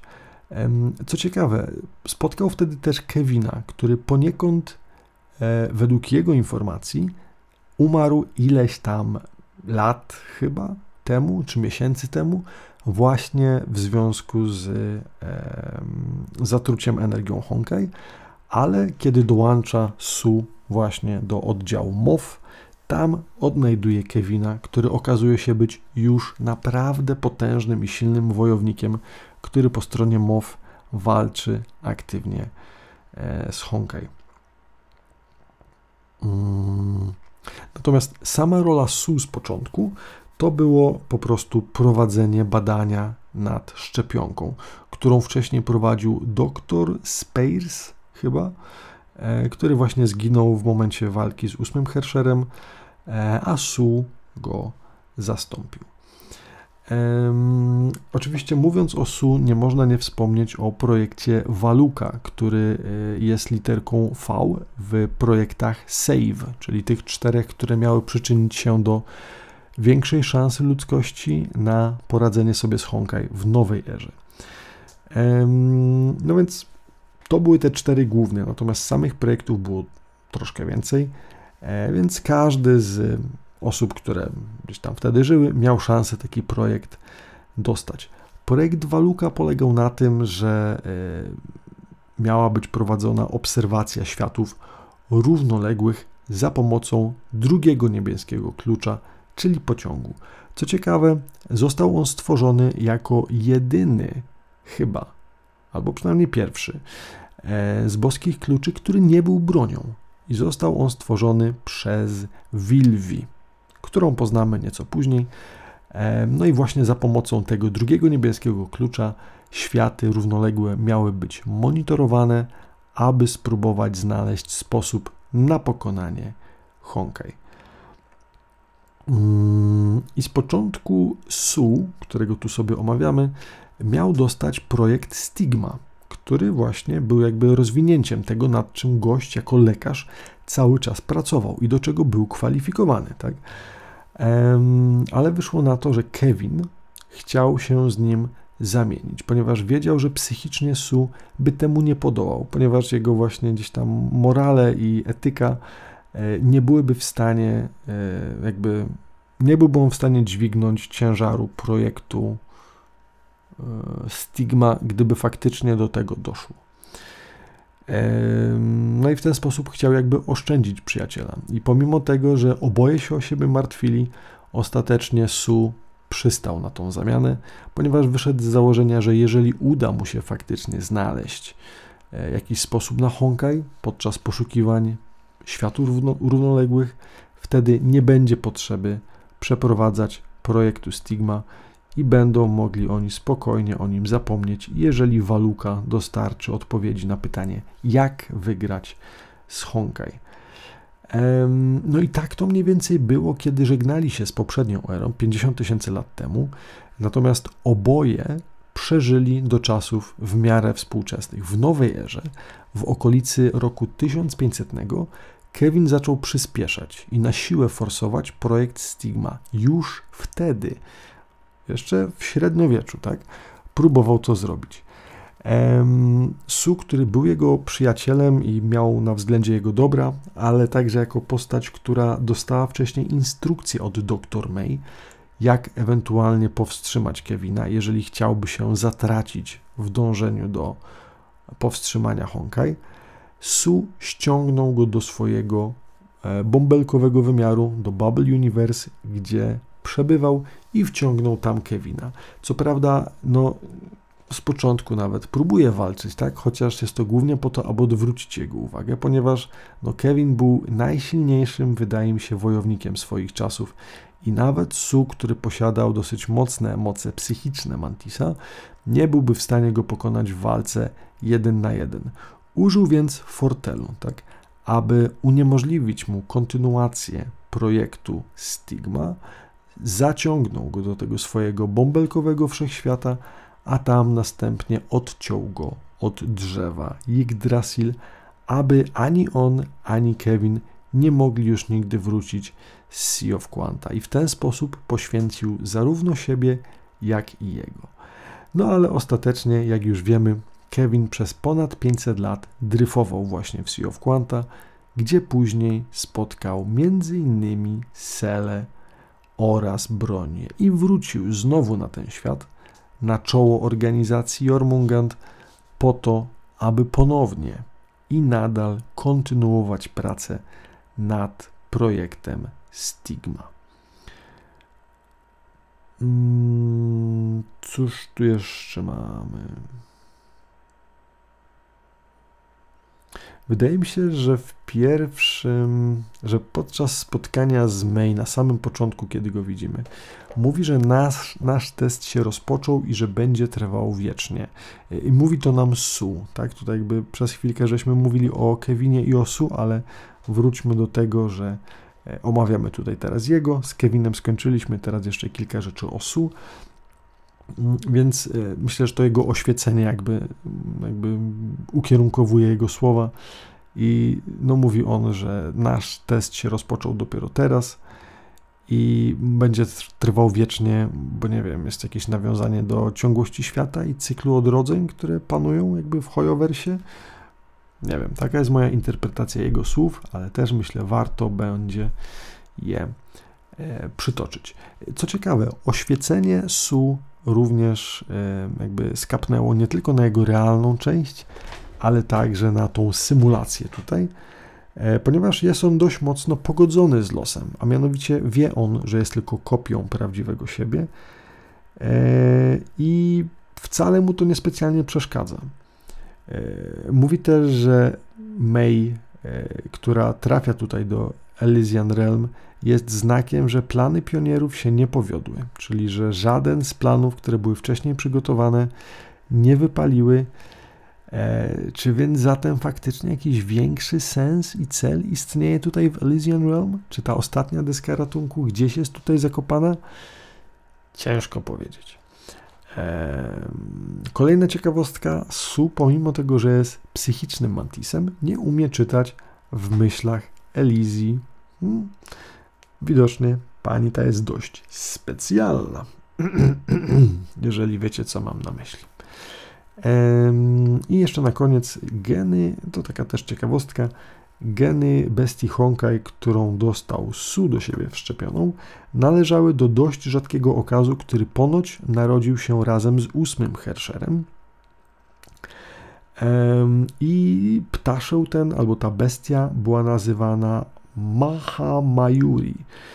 I według mm, hinduskiej mitologii jest to żeńska bogini mądrości, która często jest przedstawiana jako Paw. Co ciekawe, według legend e, Mahamayuri była dzieckiem Feniksa. A Feniks w mitologii hinduskiej to oczywiście Feng Huang. Brzmi znajomo, co nie? E, dobra, e, to tyle, jeżeli chodzi o nasze miłe e, części osób, z którymi mamy do czynienia w Elysian Realm. Przejdźmy sobie zatem teraz do tych bardziej nieokiełznanych członków. No i oczywiście, jako pierwszy tutaj na przedszereg wychodzi Kalpas, którego domeną jest decimation, czyli no, po polsku brakuje jakby słowa odpowiedniego, bo dziesiątkowanie myślę nie oddaje w pełni e, tego znaczenia słowa decimation, zwłaszcza w kontekście Kalpasa, więc próbuję sobie to tłumaczyć jako egzekucja. Jest to drugi Flame Chaser, którego spotykamy e, tutaj u nas, poza Elizją i jeden z niewielu mężczyzn tak naprawdę, który, którzy walczyli z bestiami Honkai w poprzedniej erze. Jego atrybutem oczywiście jest ogień, tak samo jak jego temperament, który troszkę zakrawa o jakieś problemy psychiczne. Gość jest mocno niestabilny i naprawdę bardzo szybko popada w skrajne emocje. W momencie, w którym go spotykamy i się przedstawiamy, mówi, że wiesz co, nie będę zapamiętywał Twojego imiona, bo nie mam zamiaru zapamiętywać imion osób martwych. I nawet nie mówi tego, tylko bardziej to krzyczy. Jest to naprawdę dosyć hardkorowy początek podróży May po Elysian Realm, ale ostatecznie Kalpas oszczędza ją i mówi, że no nie jest jeszcze gotowa, żeby wróciła do niego, jak będzie gotowa. Według May Kalpas kompletnie nie pasuje do jej wyobrażeń o poprzedniej erze, ale być może tutaj ta nienawiść do May jest podyktowana tym, że podobno, jak gdzieś znajdujemy w opowieściach, Hersher e, of Thunder poprzedniej ery odebrał Kalpasowi wszystko, cokolwiek to znaczy. W każdym razie no, wy, wygląda na to, że jeżeli tak, to May jako następca, czyli e, Hersher of Thunder obecnej ery, zwyczajnie dostaje po prostu rykoszetem. Nieco taką groteskową sytuacją jest to, że ciężko jest się dogadać z Kalpasem, więc aby to ułatwić, Elizja napisała poradnik. Poradnik dla debili, jak postępować z Kalpasem. No wiecie, beka na maksa. Wydaje mi się, że to coś bardziej na zasadzie jakiejś takiej, no nie wiem, komedii, bo na bank nie była to książka pisana w 100% na poważnie. I są tam takie teksty na przykład, że jeżeli, bo tak, Kalpas, jak warto dodać, jeżeli słuchacie tego jako podcastu, a nie oglądacie, no to nie, nie, znamy twarzy tego pana. Nie znamy jego twarzy, ponieważ ma on założoną maskę, której ponoć nigdy nie ściąga. Do samej maski jeszcze dojdziemy.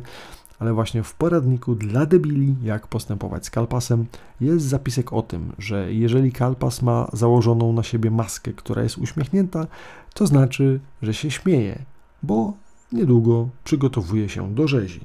A jeżeli ma maskę, która ma minę nieśmiałą, to znaczy, że inne po prostu mu się połamały. Y, no, wiecie, taki raczej nie ma to specjalnie dużo do czynienia z prawdą, no ale Elizja napisała taką książkę. Chciałbym w sumie widzieć jej pełną wersję. Ciekawe, co tam jeszcze się znajduje. Stan psychiczny Kalpasa, którego spotykamy, jest naprawdę ciężki. Chłop ma mocno rozchwiany charakter i zachowanie i nie wiem, nie jestem psychologiem ani psychiatrą, żeby się wypowiadać, ale gość po prostu wygląda na mega ciężkiego w obsłudze. I co ciekawe,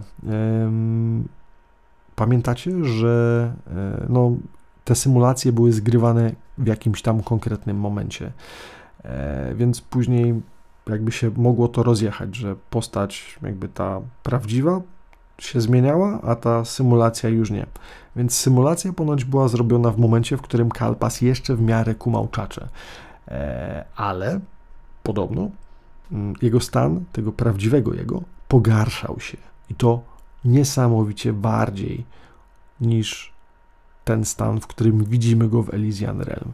E, wydaje mi się, że w takim razie musiał Kalpas kompletnie stracić nad sobą kontrolę.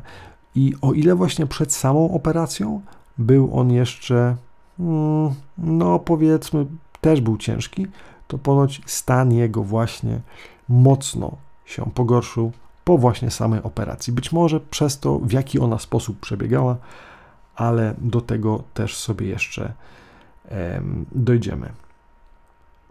Mm, geny, które dostał, przyszły od twora o imieniu Asura. I tak też ponoć niektórzy na niego mówili. Warto dodać, że w więzieniach hinduizmu Asura byli półbogami albo antybogami, którzy dążąc do potężnej mocy, e, zawsze gdzieś tam próbowali ją dla siebie zabierać, aby faktycznie no, zdobycie mocy było dla nich jednym z głównych e, priorytetów. A w realnym naszym, w sensie świecie, Asura Kalpa to zbiór rytuałów związanych właśnie z mocami Asury. I mówiąc o rytuałach, trzeba koniecznie wspomnieć o tym, w jaki sposób Kalpasa tak naprawdę poznajemy. Został on znaleziony po raz pierwszy w wiosce, do którego został wysłany oddział Kokun, czyli tych, którzy eliminowali osoby, które były zainfekowane Honkai. E, do wioski, w której był właśnie Kalpas, przybyła Sakura razem z innymi członkami oddziału. Tylko Kalpas przeżył początkowo, a kiedy Sakura odnalazła go gdzieś w zamkniętej na końcu gdzieś tam jakiejś celi, e, zapytał ją krótko, dlaczego zrobiła to, co zrobiła. E, I kiedy odpowiedziała mu, że no, po prostu byli zainfekowani, rzucił się na nią w szale do walki. Ich e, potyczka zrównała ponoć całą okolicę z ziemią. E, po jakimś czasie Mobius zapragnęła dowiedzieć się nieco więcej na temat tego miłego pana i jego rodzinnego miejsca, chociaż no, nie mam pewności, czy tam się urodził, czy nie. E, na pewno w tym samym miejscu były łatwe do odnalezienia jakieś specyficzne totemy i bardziej wyglądało to jak miejsce kultu albo składania ofiar niż jakiekolwiek rodzinne miasto.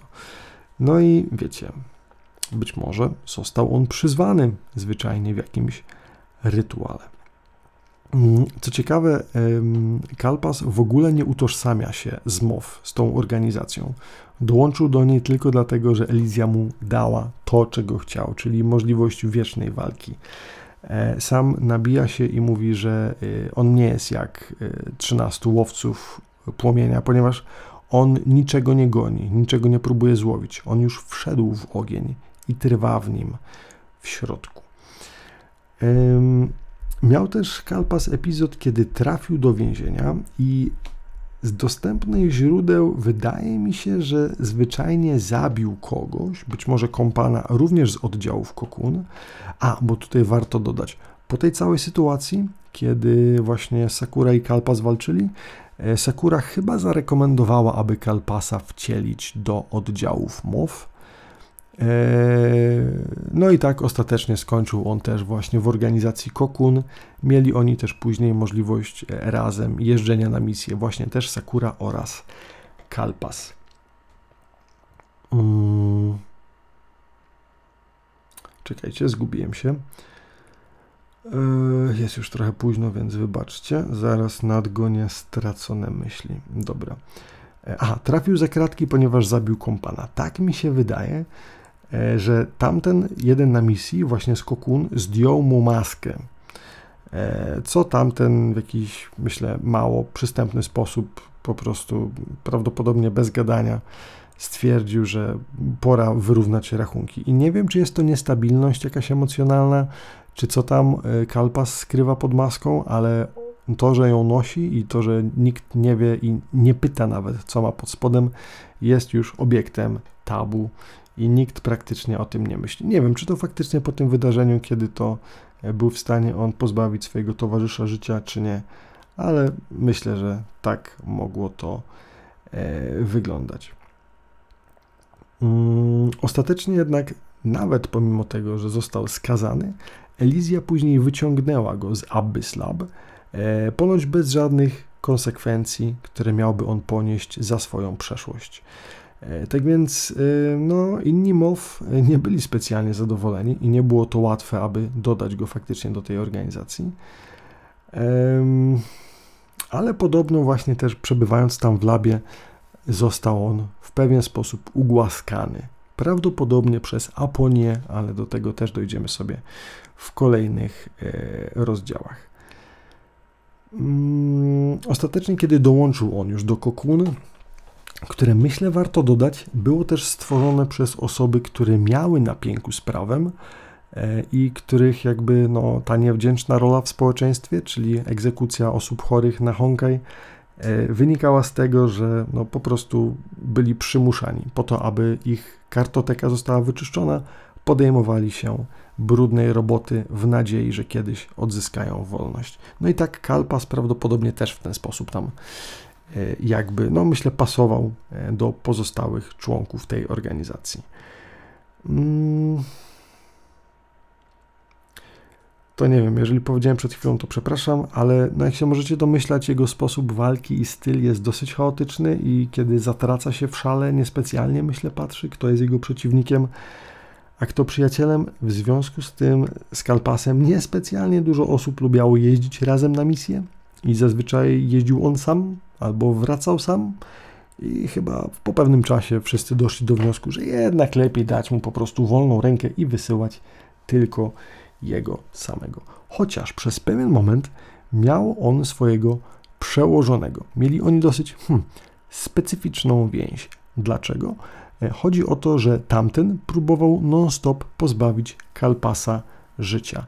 Ponoć walczyli ze sobą niezliczoną ilość razy, ale też przez to Kalpas zaczął żywić do niego jakieś uczucia, w tym na pewno szacunek. Czy coś więcej? Nie wiadomo. E, niestety jego ten jakby, mm, no, można by powiedzieć przyjaciel, ale no nie, no to, to, to nie jest to słowo na opisanie. Tą osobę, Mm, którą tutaj Kalpas, z którą nawiązał tą specyficzną więź, nie był w stanie on tego jakby przetrwać. Wydaje mi się, że został pochłonięty albo przez Herschera dominacji poprzedniej ery, albo przez Herschera śmierci.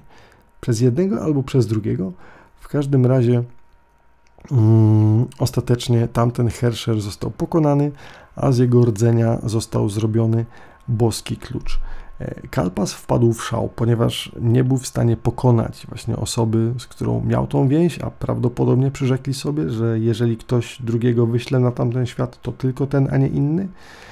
I kiedyś też właśnie e, Kalpas został znaleziony na pustyni bezsilnie, bezskutecznie, próbując zniszczyć artefakt, który był zrobiony z rdzenia tamtego Herschera, właśnie w ramach być może zemsty i próby ostatecznego wyrównania rachunków pomiędzy nimi.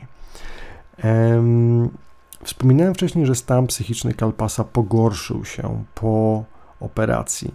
Operacja ta przeszła dosyć inaczej niż standardowe. Nawet przed operacją, i to też warto, warto podkreślić, no pamiętacie, walczył on z, z Sakurą, ale nie tylko, nie był to jedyny moment, kiedy walczył gdzieś z oddziałami Kokun albo MOW. E, było wspomniane o tym, że był on w stanie walczyć na równi z innymi mantisami, czyli z żołnierzami wzmocnionymi odpowiednio genami bestii Honkai. Według zapisków eksperymentów Mobius był on w stanie przeciwstawić się nawet więcej niż jednemu takiemu żołnierzowi naraz.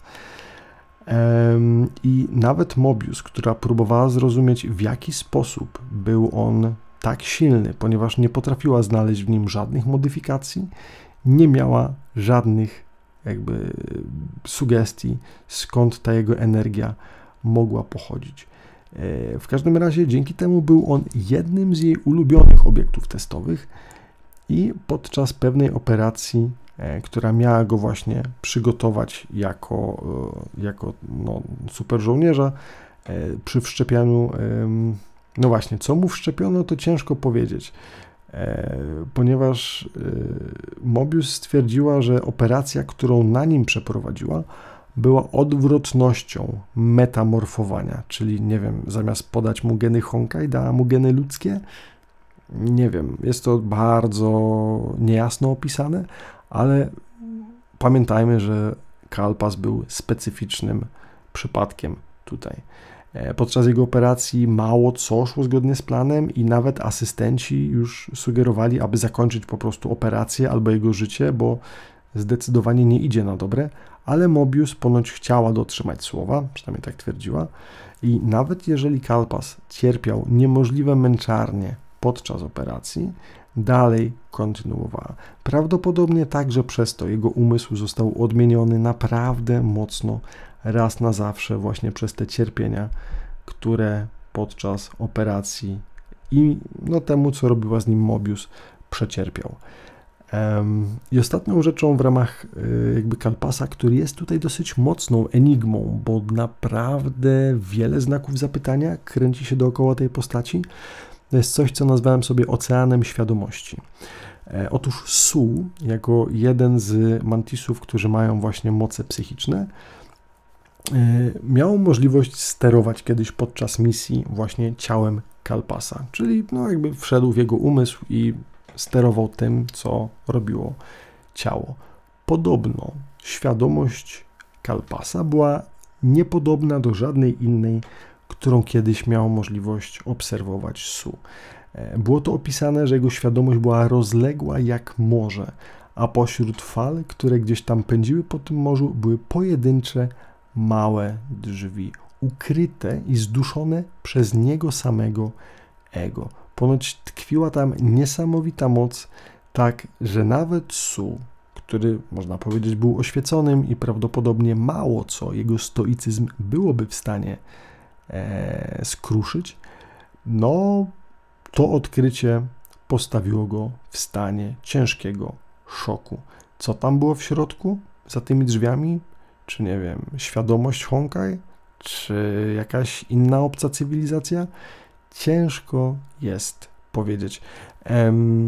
Wydaje się, że podczas jakiejś rozmowy o Kalpasie z Mobius w angielskim tłumaczeniu pada informacja, że on jest inny, czy że Kalpas jest trochę dziwny.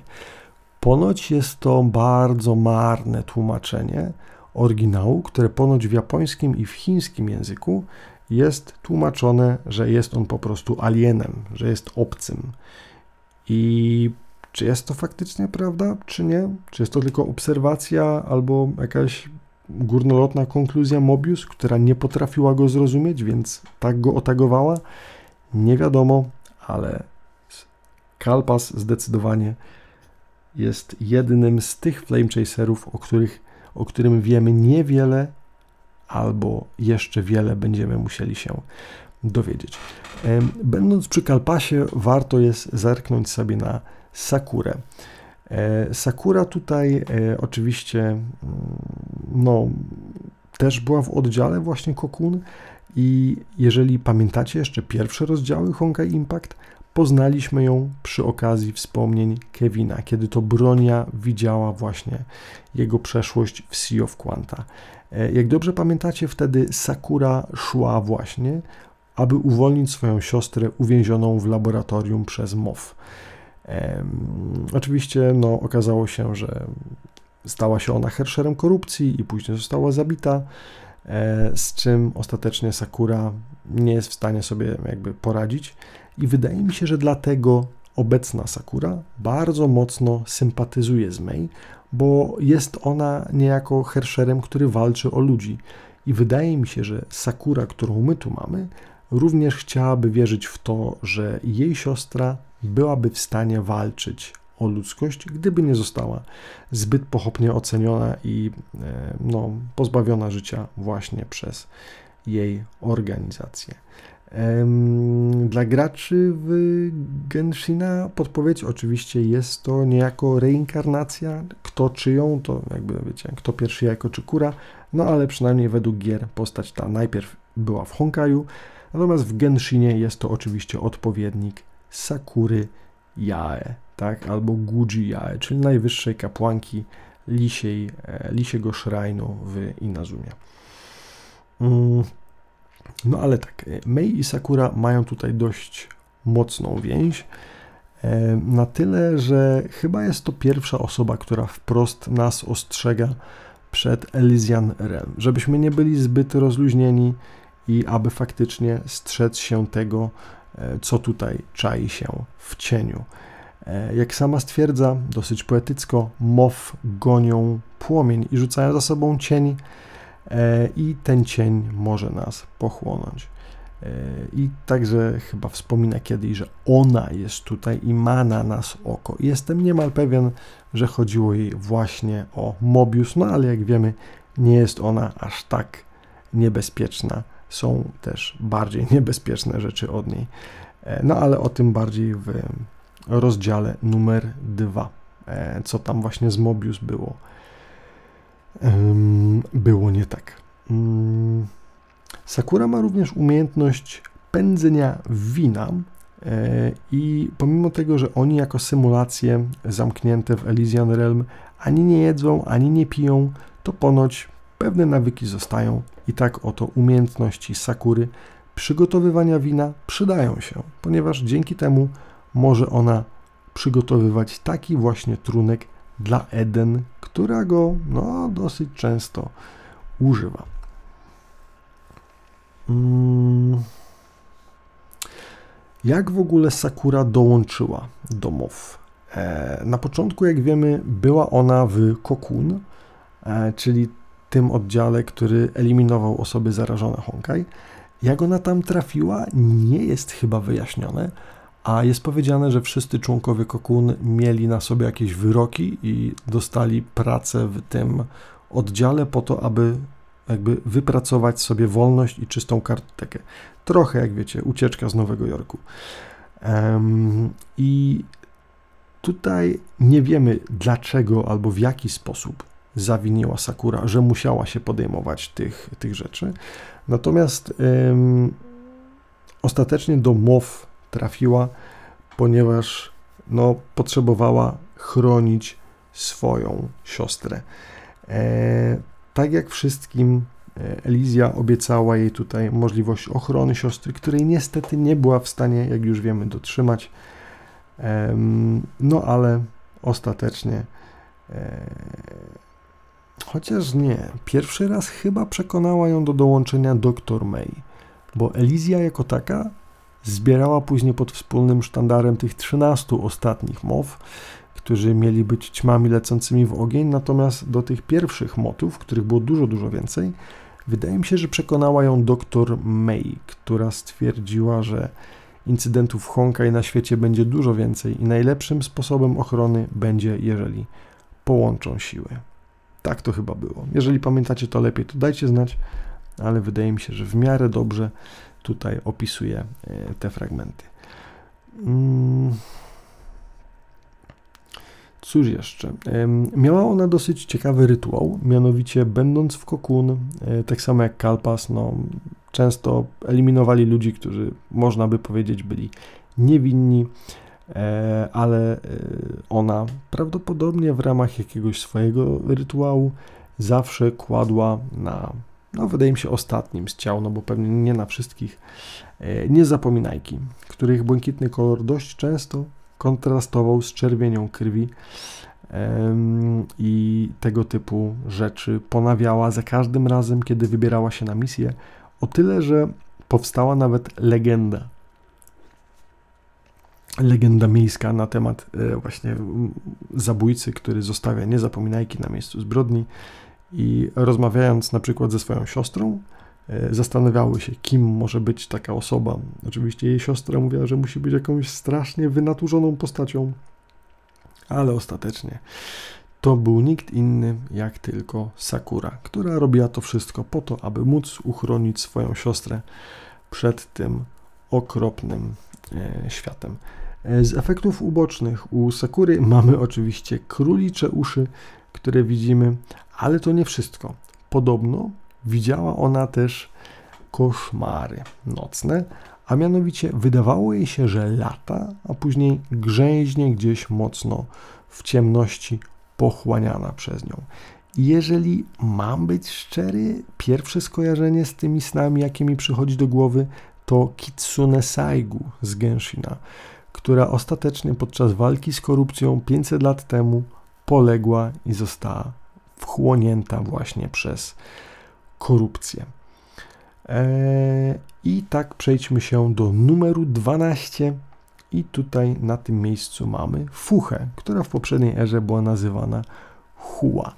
Jej domeną jest vicissitude, czyli zmienność. No i oczywiście May jest mocno zdziwiona, która widzi swoją przewodniczącą. Hua charakterem jest dość podobna do tej, którą ona znała, choć wydaje mi się, że jest bardziej nieśmiała i mniej pewna siebie. Mm, dodatkowo już tutaj w symulacji mówi nam, że raz na jakiś czas ma potrzebę resetowania swojej pamięci, ponieważ właśnie geny Honkai sprawiają, że wszystko zapamiętuje, więc żeby pozostać sobą, żeby nie namnażały się jakieś błędy, musi się resetować. Ponoć był też taki wybór tej prawdziwej chły, aby ta jej kopia tutaj odpowiednio często się przywracała do tej wersji e, pierwszej zapisanej. Więc przeprasza nas fucha, przepraszam, ludzie, ale późno, um, ale już prawie kończymy. Przeprasza, przeprasza nas więc Fucha, mówiąc, że jeżeli kiedyś nas nie pozna, to znaczy, że widocznie zresetowały jej się rejestry i będzie nam znowu wszystko musiała od nowa e, opowiadać. Natomiast nie wszystkie chyba te resety idą zgodnie z planem, ponieważ e, kiedyś, kiedy widzimy jak spogląda tempo Hua na zdjęcie, na którym jest i ona, i kapitan Himeko, która, jak pamiętacie być może, ocaliła ją i uratowała oraz wciągnęła do MOW, mm, nie pamięta kim jest. A była to najważniejsza,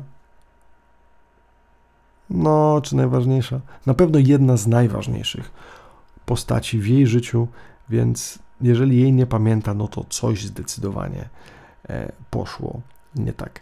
E, co ciekawe, w jakiejś takiej typowo teoretycznej rozmowie, którą zapoczątkowała kiedyś z nią May, zapytała ją, czy byłaby w stanie bronić ludzkość przez tysiące lat.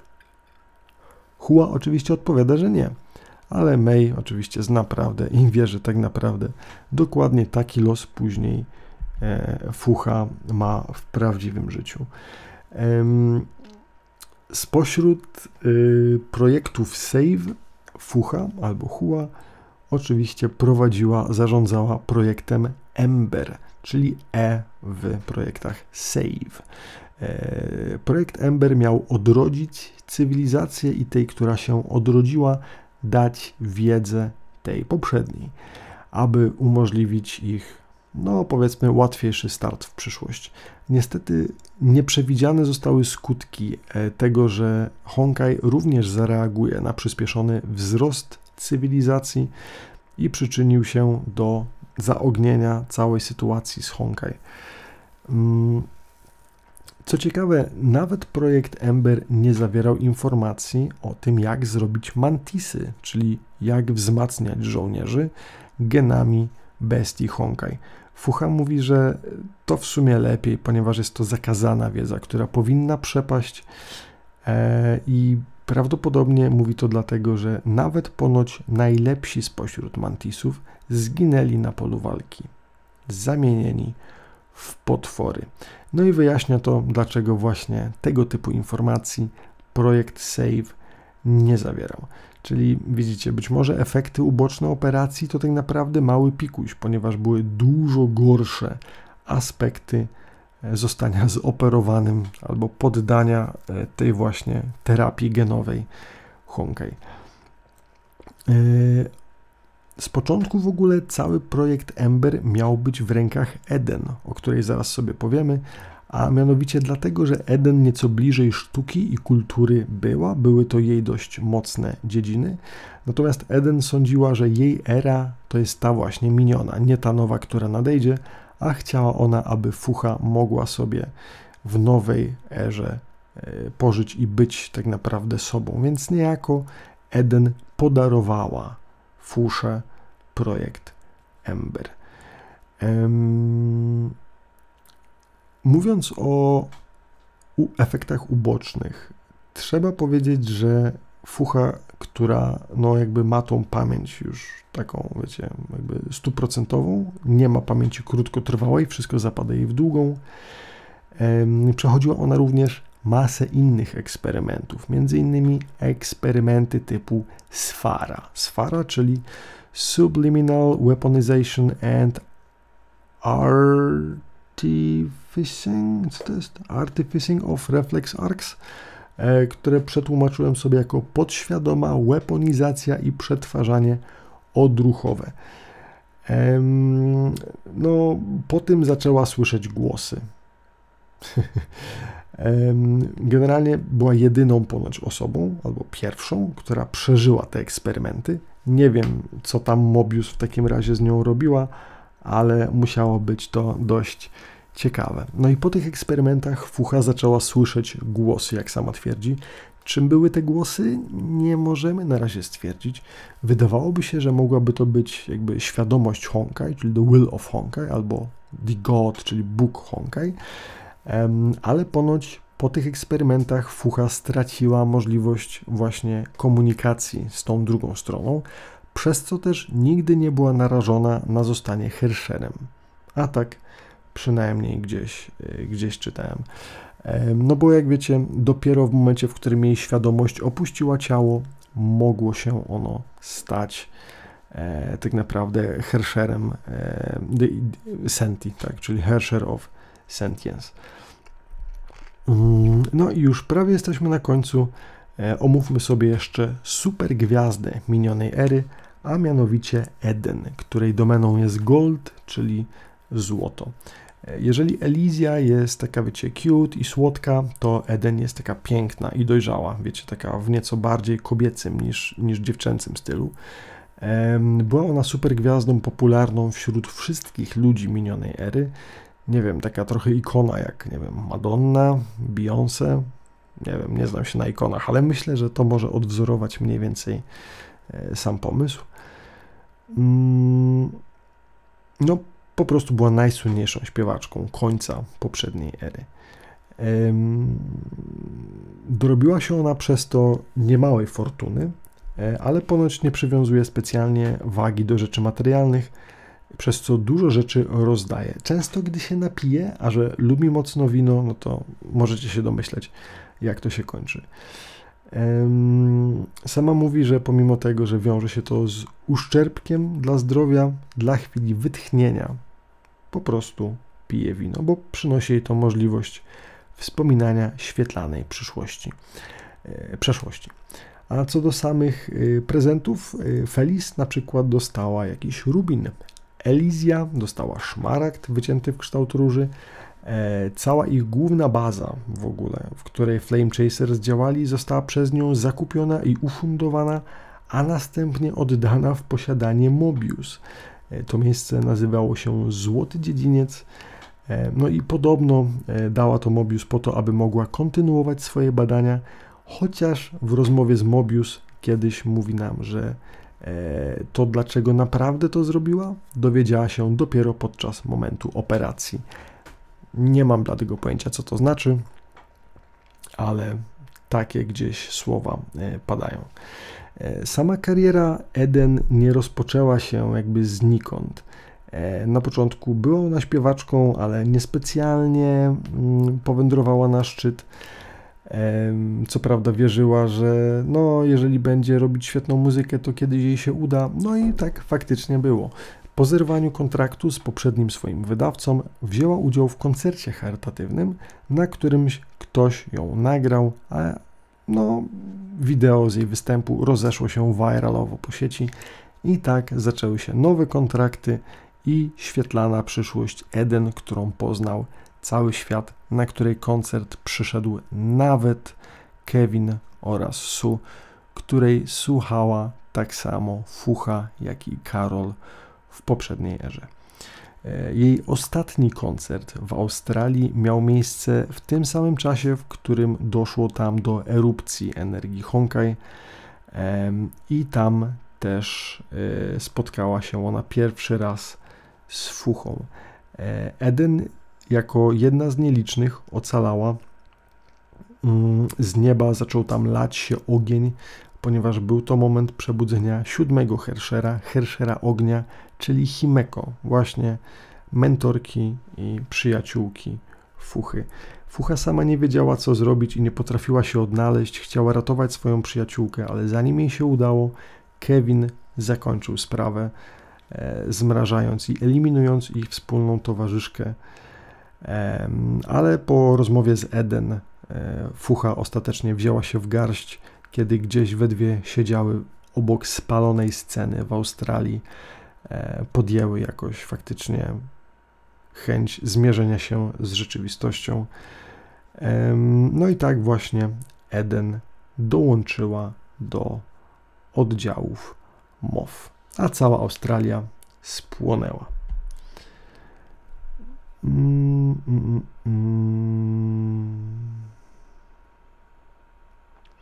I ostatnia informacja na temat Eden to to, że używa ona ponoć dziewiątego boskiego klucza kosmiczna harmonia.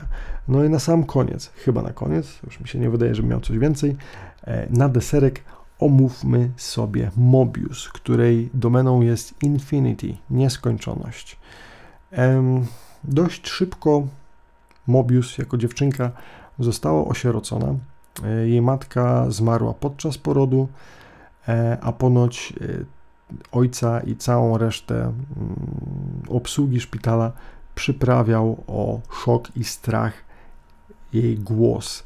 I zastanawiam się, czy były to jakieś dziwne wężowe dźwięki, które już wydawała od maleństwa, czy faktycznie mogła ona już od urodzenia mówić.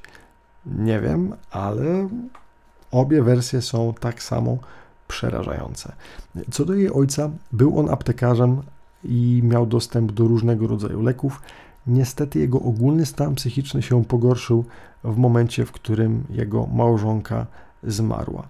E, brane przez niego leki, podobne na uspokojenie, zaburzały dość mocno jego osobowość, co często przekładało się na fizyczną przemoc wobec swojej kilkuletniej albo jeszcze nawet młodszej córki. Przywykła do tego podobno, ale widząc jak zwykła tabletka może pogrążyć charakter człowieka, Mobius od najmłodszych lat zaczęła nienawidzieć ludzkość i stwierdziła, że trzeba ją naprawić, ewoluować. I do tych wniosków doszła już w wieku 9 lat, w momencie, w którym po raz ostatni była ona w swoim domu rodzinnym. May oraz Mobius spotkały się na jednym z sympozjów w na kontynencie Mu, kiedy to May była jeszcze w liceum, a Mobius, która no, zniknęła z życia publicznego, wymknęła się na chwilę z MOW po to, aby poszukać kogoś, kto był im potrzebny do pracy. E, przez to też przestała się pojawiać na różnego rodzaju wykładach i tak dalej. E, no a była ona troszkę znana, ponieważ Mobius, no troszkę, na swoje czasy była najlepszą panią naukowiec, najlepszym naukowcem E, w temacie inżynierii genetycznej. E, publikowała artykuły i stąd ją między innymi znała właśnie May, ale kiedy po raz pierwszy zobaczyła ją na żywo, oczywiście zaniemówiła z wrażenia, widząc swoją idolkę. Mobius na szybko ją zweryfikowała, pytając o to, czy ma chłopaka, czy czytała jej artykuły i czy rozumiała, oraz czy gdyby czy stałaby się wrogiem ludzkości, jeżeli los ludzki miałby się dzięki temu poprawić? Wiecie, takie standardowe trzy pytania, które zadaje się każdemu nowemu pracownikowi. Chłopak, czy znasz gdzieś tam literaturę i czy ewentualnie jesteś w stanie gdzieś tam pogorszyć stan ludzkości i nie wiem, wybić 90% jej populacji po to, aby reszta mogła przeżyć. Ostatecznie rozmowa zakończyła się tym, że May e, dała E, May dostała numer telefonu Mobius i tak prawdopodobnie przyłączyła się ona właśnie do MOW, aby razem wspólnie pracować nad projektami ocalenia poprzedniej ery. Mówiąc o Mobius, trzeba wspomnieć, że praktycznie wszyscy, albo co najmniej większość osób, które spotykamy w Elysian Realm, mówi nam, żebyśmy uważali na siebie. I wydaje mi się, że większość z tych osób właśnie konkretnie mówi o Mobius, którą widzą jako szaloną panią naukowiec, e, taki, wiecie, trochę Eric Sanchez, tylko w spódnicy i switaśny i w sumie jako wąż. Może nie switaśny, ale wąż. I też nie w spódnicy, ale wąż. Podejście Mobius do postaci, do innych osób, do innych Flame Chaserów również sugeruje, że nie jest mocno zżyta z organizacją. Do większości z nich odzywa się per ty szczurze laboratoryjny. I, I, mówi to, że to dlatego, że po prostu po co nadawać obiektom testowym jakieś imiona. Jest to bez sensu. Um, więc no, można powiedzieć, że ma ta pani dosyć mocne, być może jakby odpowiednio podyktowane doświadczeniem e, metody, aby nie nadawać imion e, tym, którzy mają zaraz odejść. W sumie w tym temacie myślę mocno zgadza się z samym Kalpasem. Ponoć do tego stopnia jest ona oderwana od rzeczywistości, że kiedyś nawet zaatakowała Su oraz Fuchę w laboratorium, kiedy podczas jakiegoś napadu szału chciała zmusić ich do eksperymentu. Mm, w temacie jej mutacji, co poszło nie tak, albo co poszło tak, no, wygląda trochę jak mała dziewczynka teraz, po przeprowadzeniu, po wprowadzeniu genów Honkai do swojego ciała. E, I to jeszcze byłoby spoko, ale no, dodane są tam jakieś wężowe aspekty, wiecie, łuski, rozdwojony język, pionowe tęczówki. Hmm, takie naprawdę bardzo hmm, ciekawe e, aspekty. E, pytała też kiedyś May, że wiesz, słuchaj, jak ty byś chciała być taka małą dziewczynką, to ja ci z chęcią pomogę. Ja cię wezmę na stół laboratoryjny i przerobimy cię. No bo co? E, żeby jeszcze podkreślić to, jaka jest słodka i w ogóle Mobius często też moduluje swój głos na jeszcze bardziej piskliwy niż normalnie. W momencie, w którym, nie wiem, albo chce być słodka, albo kogoś przekonać, co zazwyczaj jest takim strasznie creepy zabiegiem, ponieważ rzeczy, o których zazwyczaj mówi, kompletnie nie pasują do jej aparycji. Um, celem badań już chyba od samego początku dla Mobius było, tak jak mówiłem, ewolucja, tak? ale ewolucja postrzegana przez pryzmat przetrwania ludzkości. I często Mobius zaznacza, że wiecie, wy tu mi mówicie, że ja mam jakieś, nie wiem, nieetyczne zachowania, ale no, ja cały czas robię to dla ludzkości, przy czym wasza i moja definicja ludzkości może się zdecydowanie różnić. I tu wracamy do tego, co jako dziecko zauważyła, że ludzie w obecnym stanie nie są specjalnie, mm, no, są słabi. I ona chce ten temat naprawić. Hmm. No oczywiście Mobius nie byłaby w stanie przeprowadzać swoich eksperymentów i całej reszty bez asystentów. Tak więc miała ona całą masę innych osób do pomocy. E, myślę, że część ekipy poznamy w drugim rozdziale, który dość mocno skupia się na Mobius, ale przynajmniej na razie warto zauważyć, że w jej laboratorium nie była ona nigdy sama. Miała Klein, Kleina, Kleina, Kleina, który był jej pomocnikiem, stworzonym właśnie przez Mobius. E, nawet jak już pierwszy z nich zginął, to zrobiła sobie drugiego, takiego samego. E, no i oczywiście inni w organizacji MOW również byli z tym związani. Między innymi Fuxi i Nua, które później towarzyszyły Fucha podczas realizacji projektu Ember. E, wspomniany wcześniej Klein, była tam zarówno dr May, był tam również Su, który także był doktorem, E, i pewnie masa innych osób, które być może jeszcze kiedyś e, poznamy. Mm.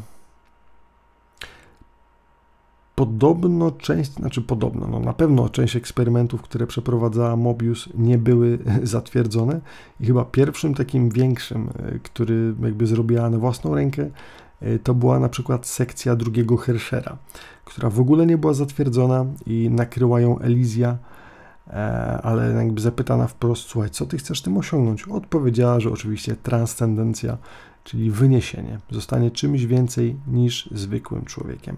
Wydostanie się z tej ułomnej formy, którą obecnie mają ludzie, którą ona chce znieść i przyczynić się właśnie do ewolucji gatunku e, ludzkiego.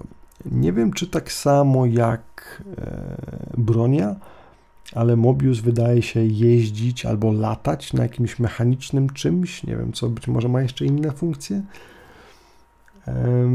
No, ale jej ciało nie do końca działa tak jak trzeba.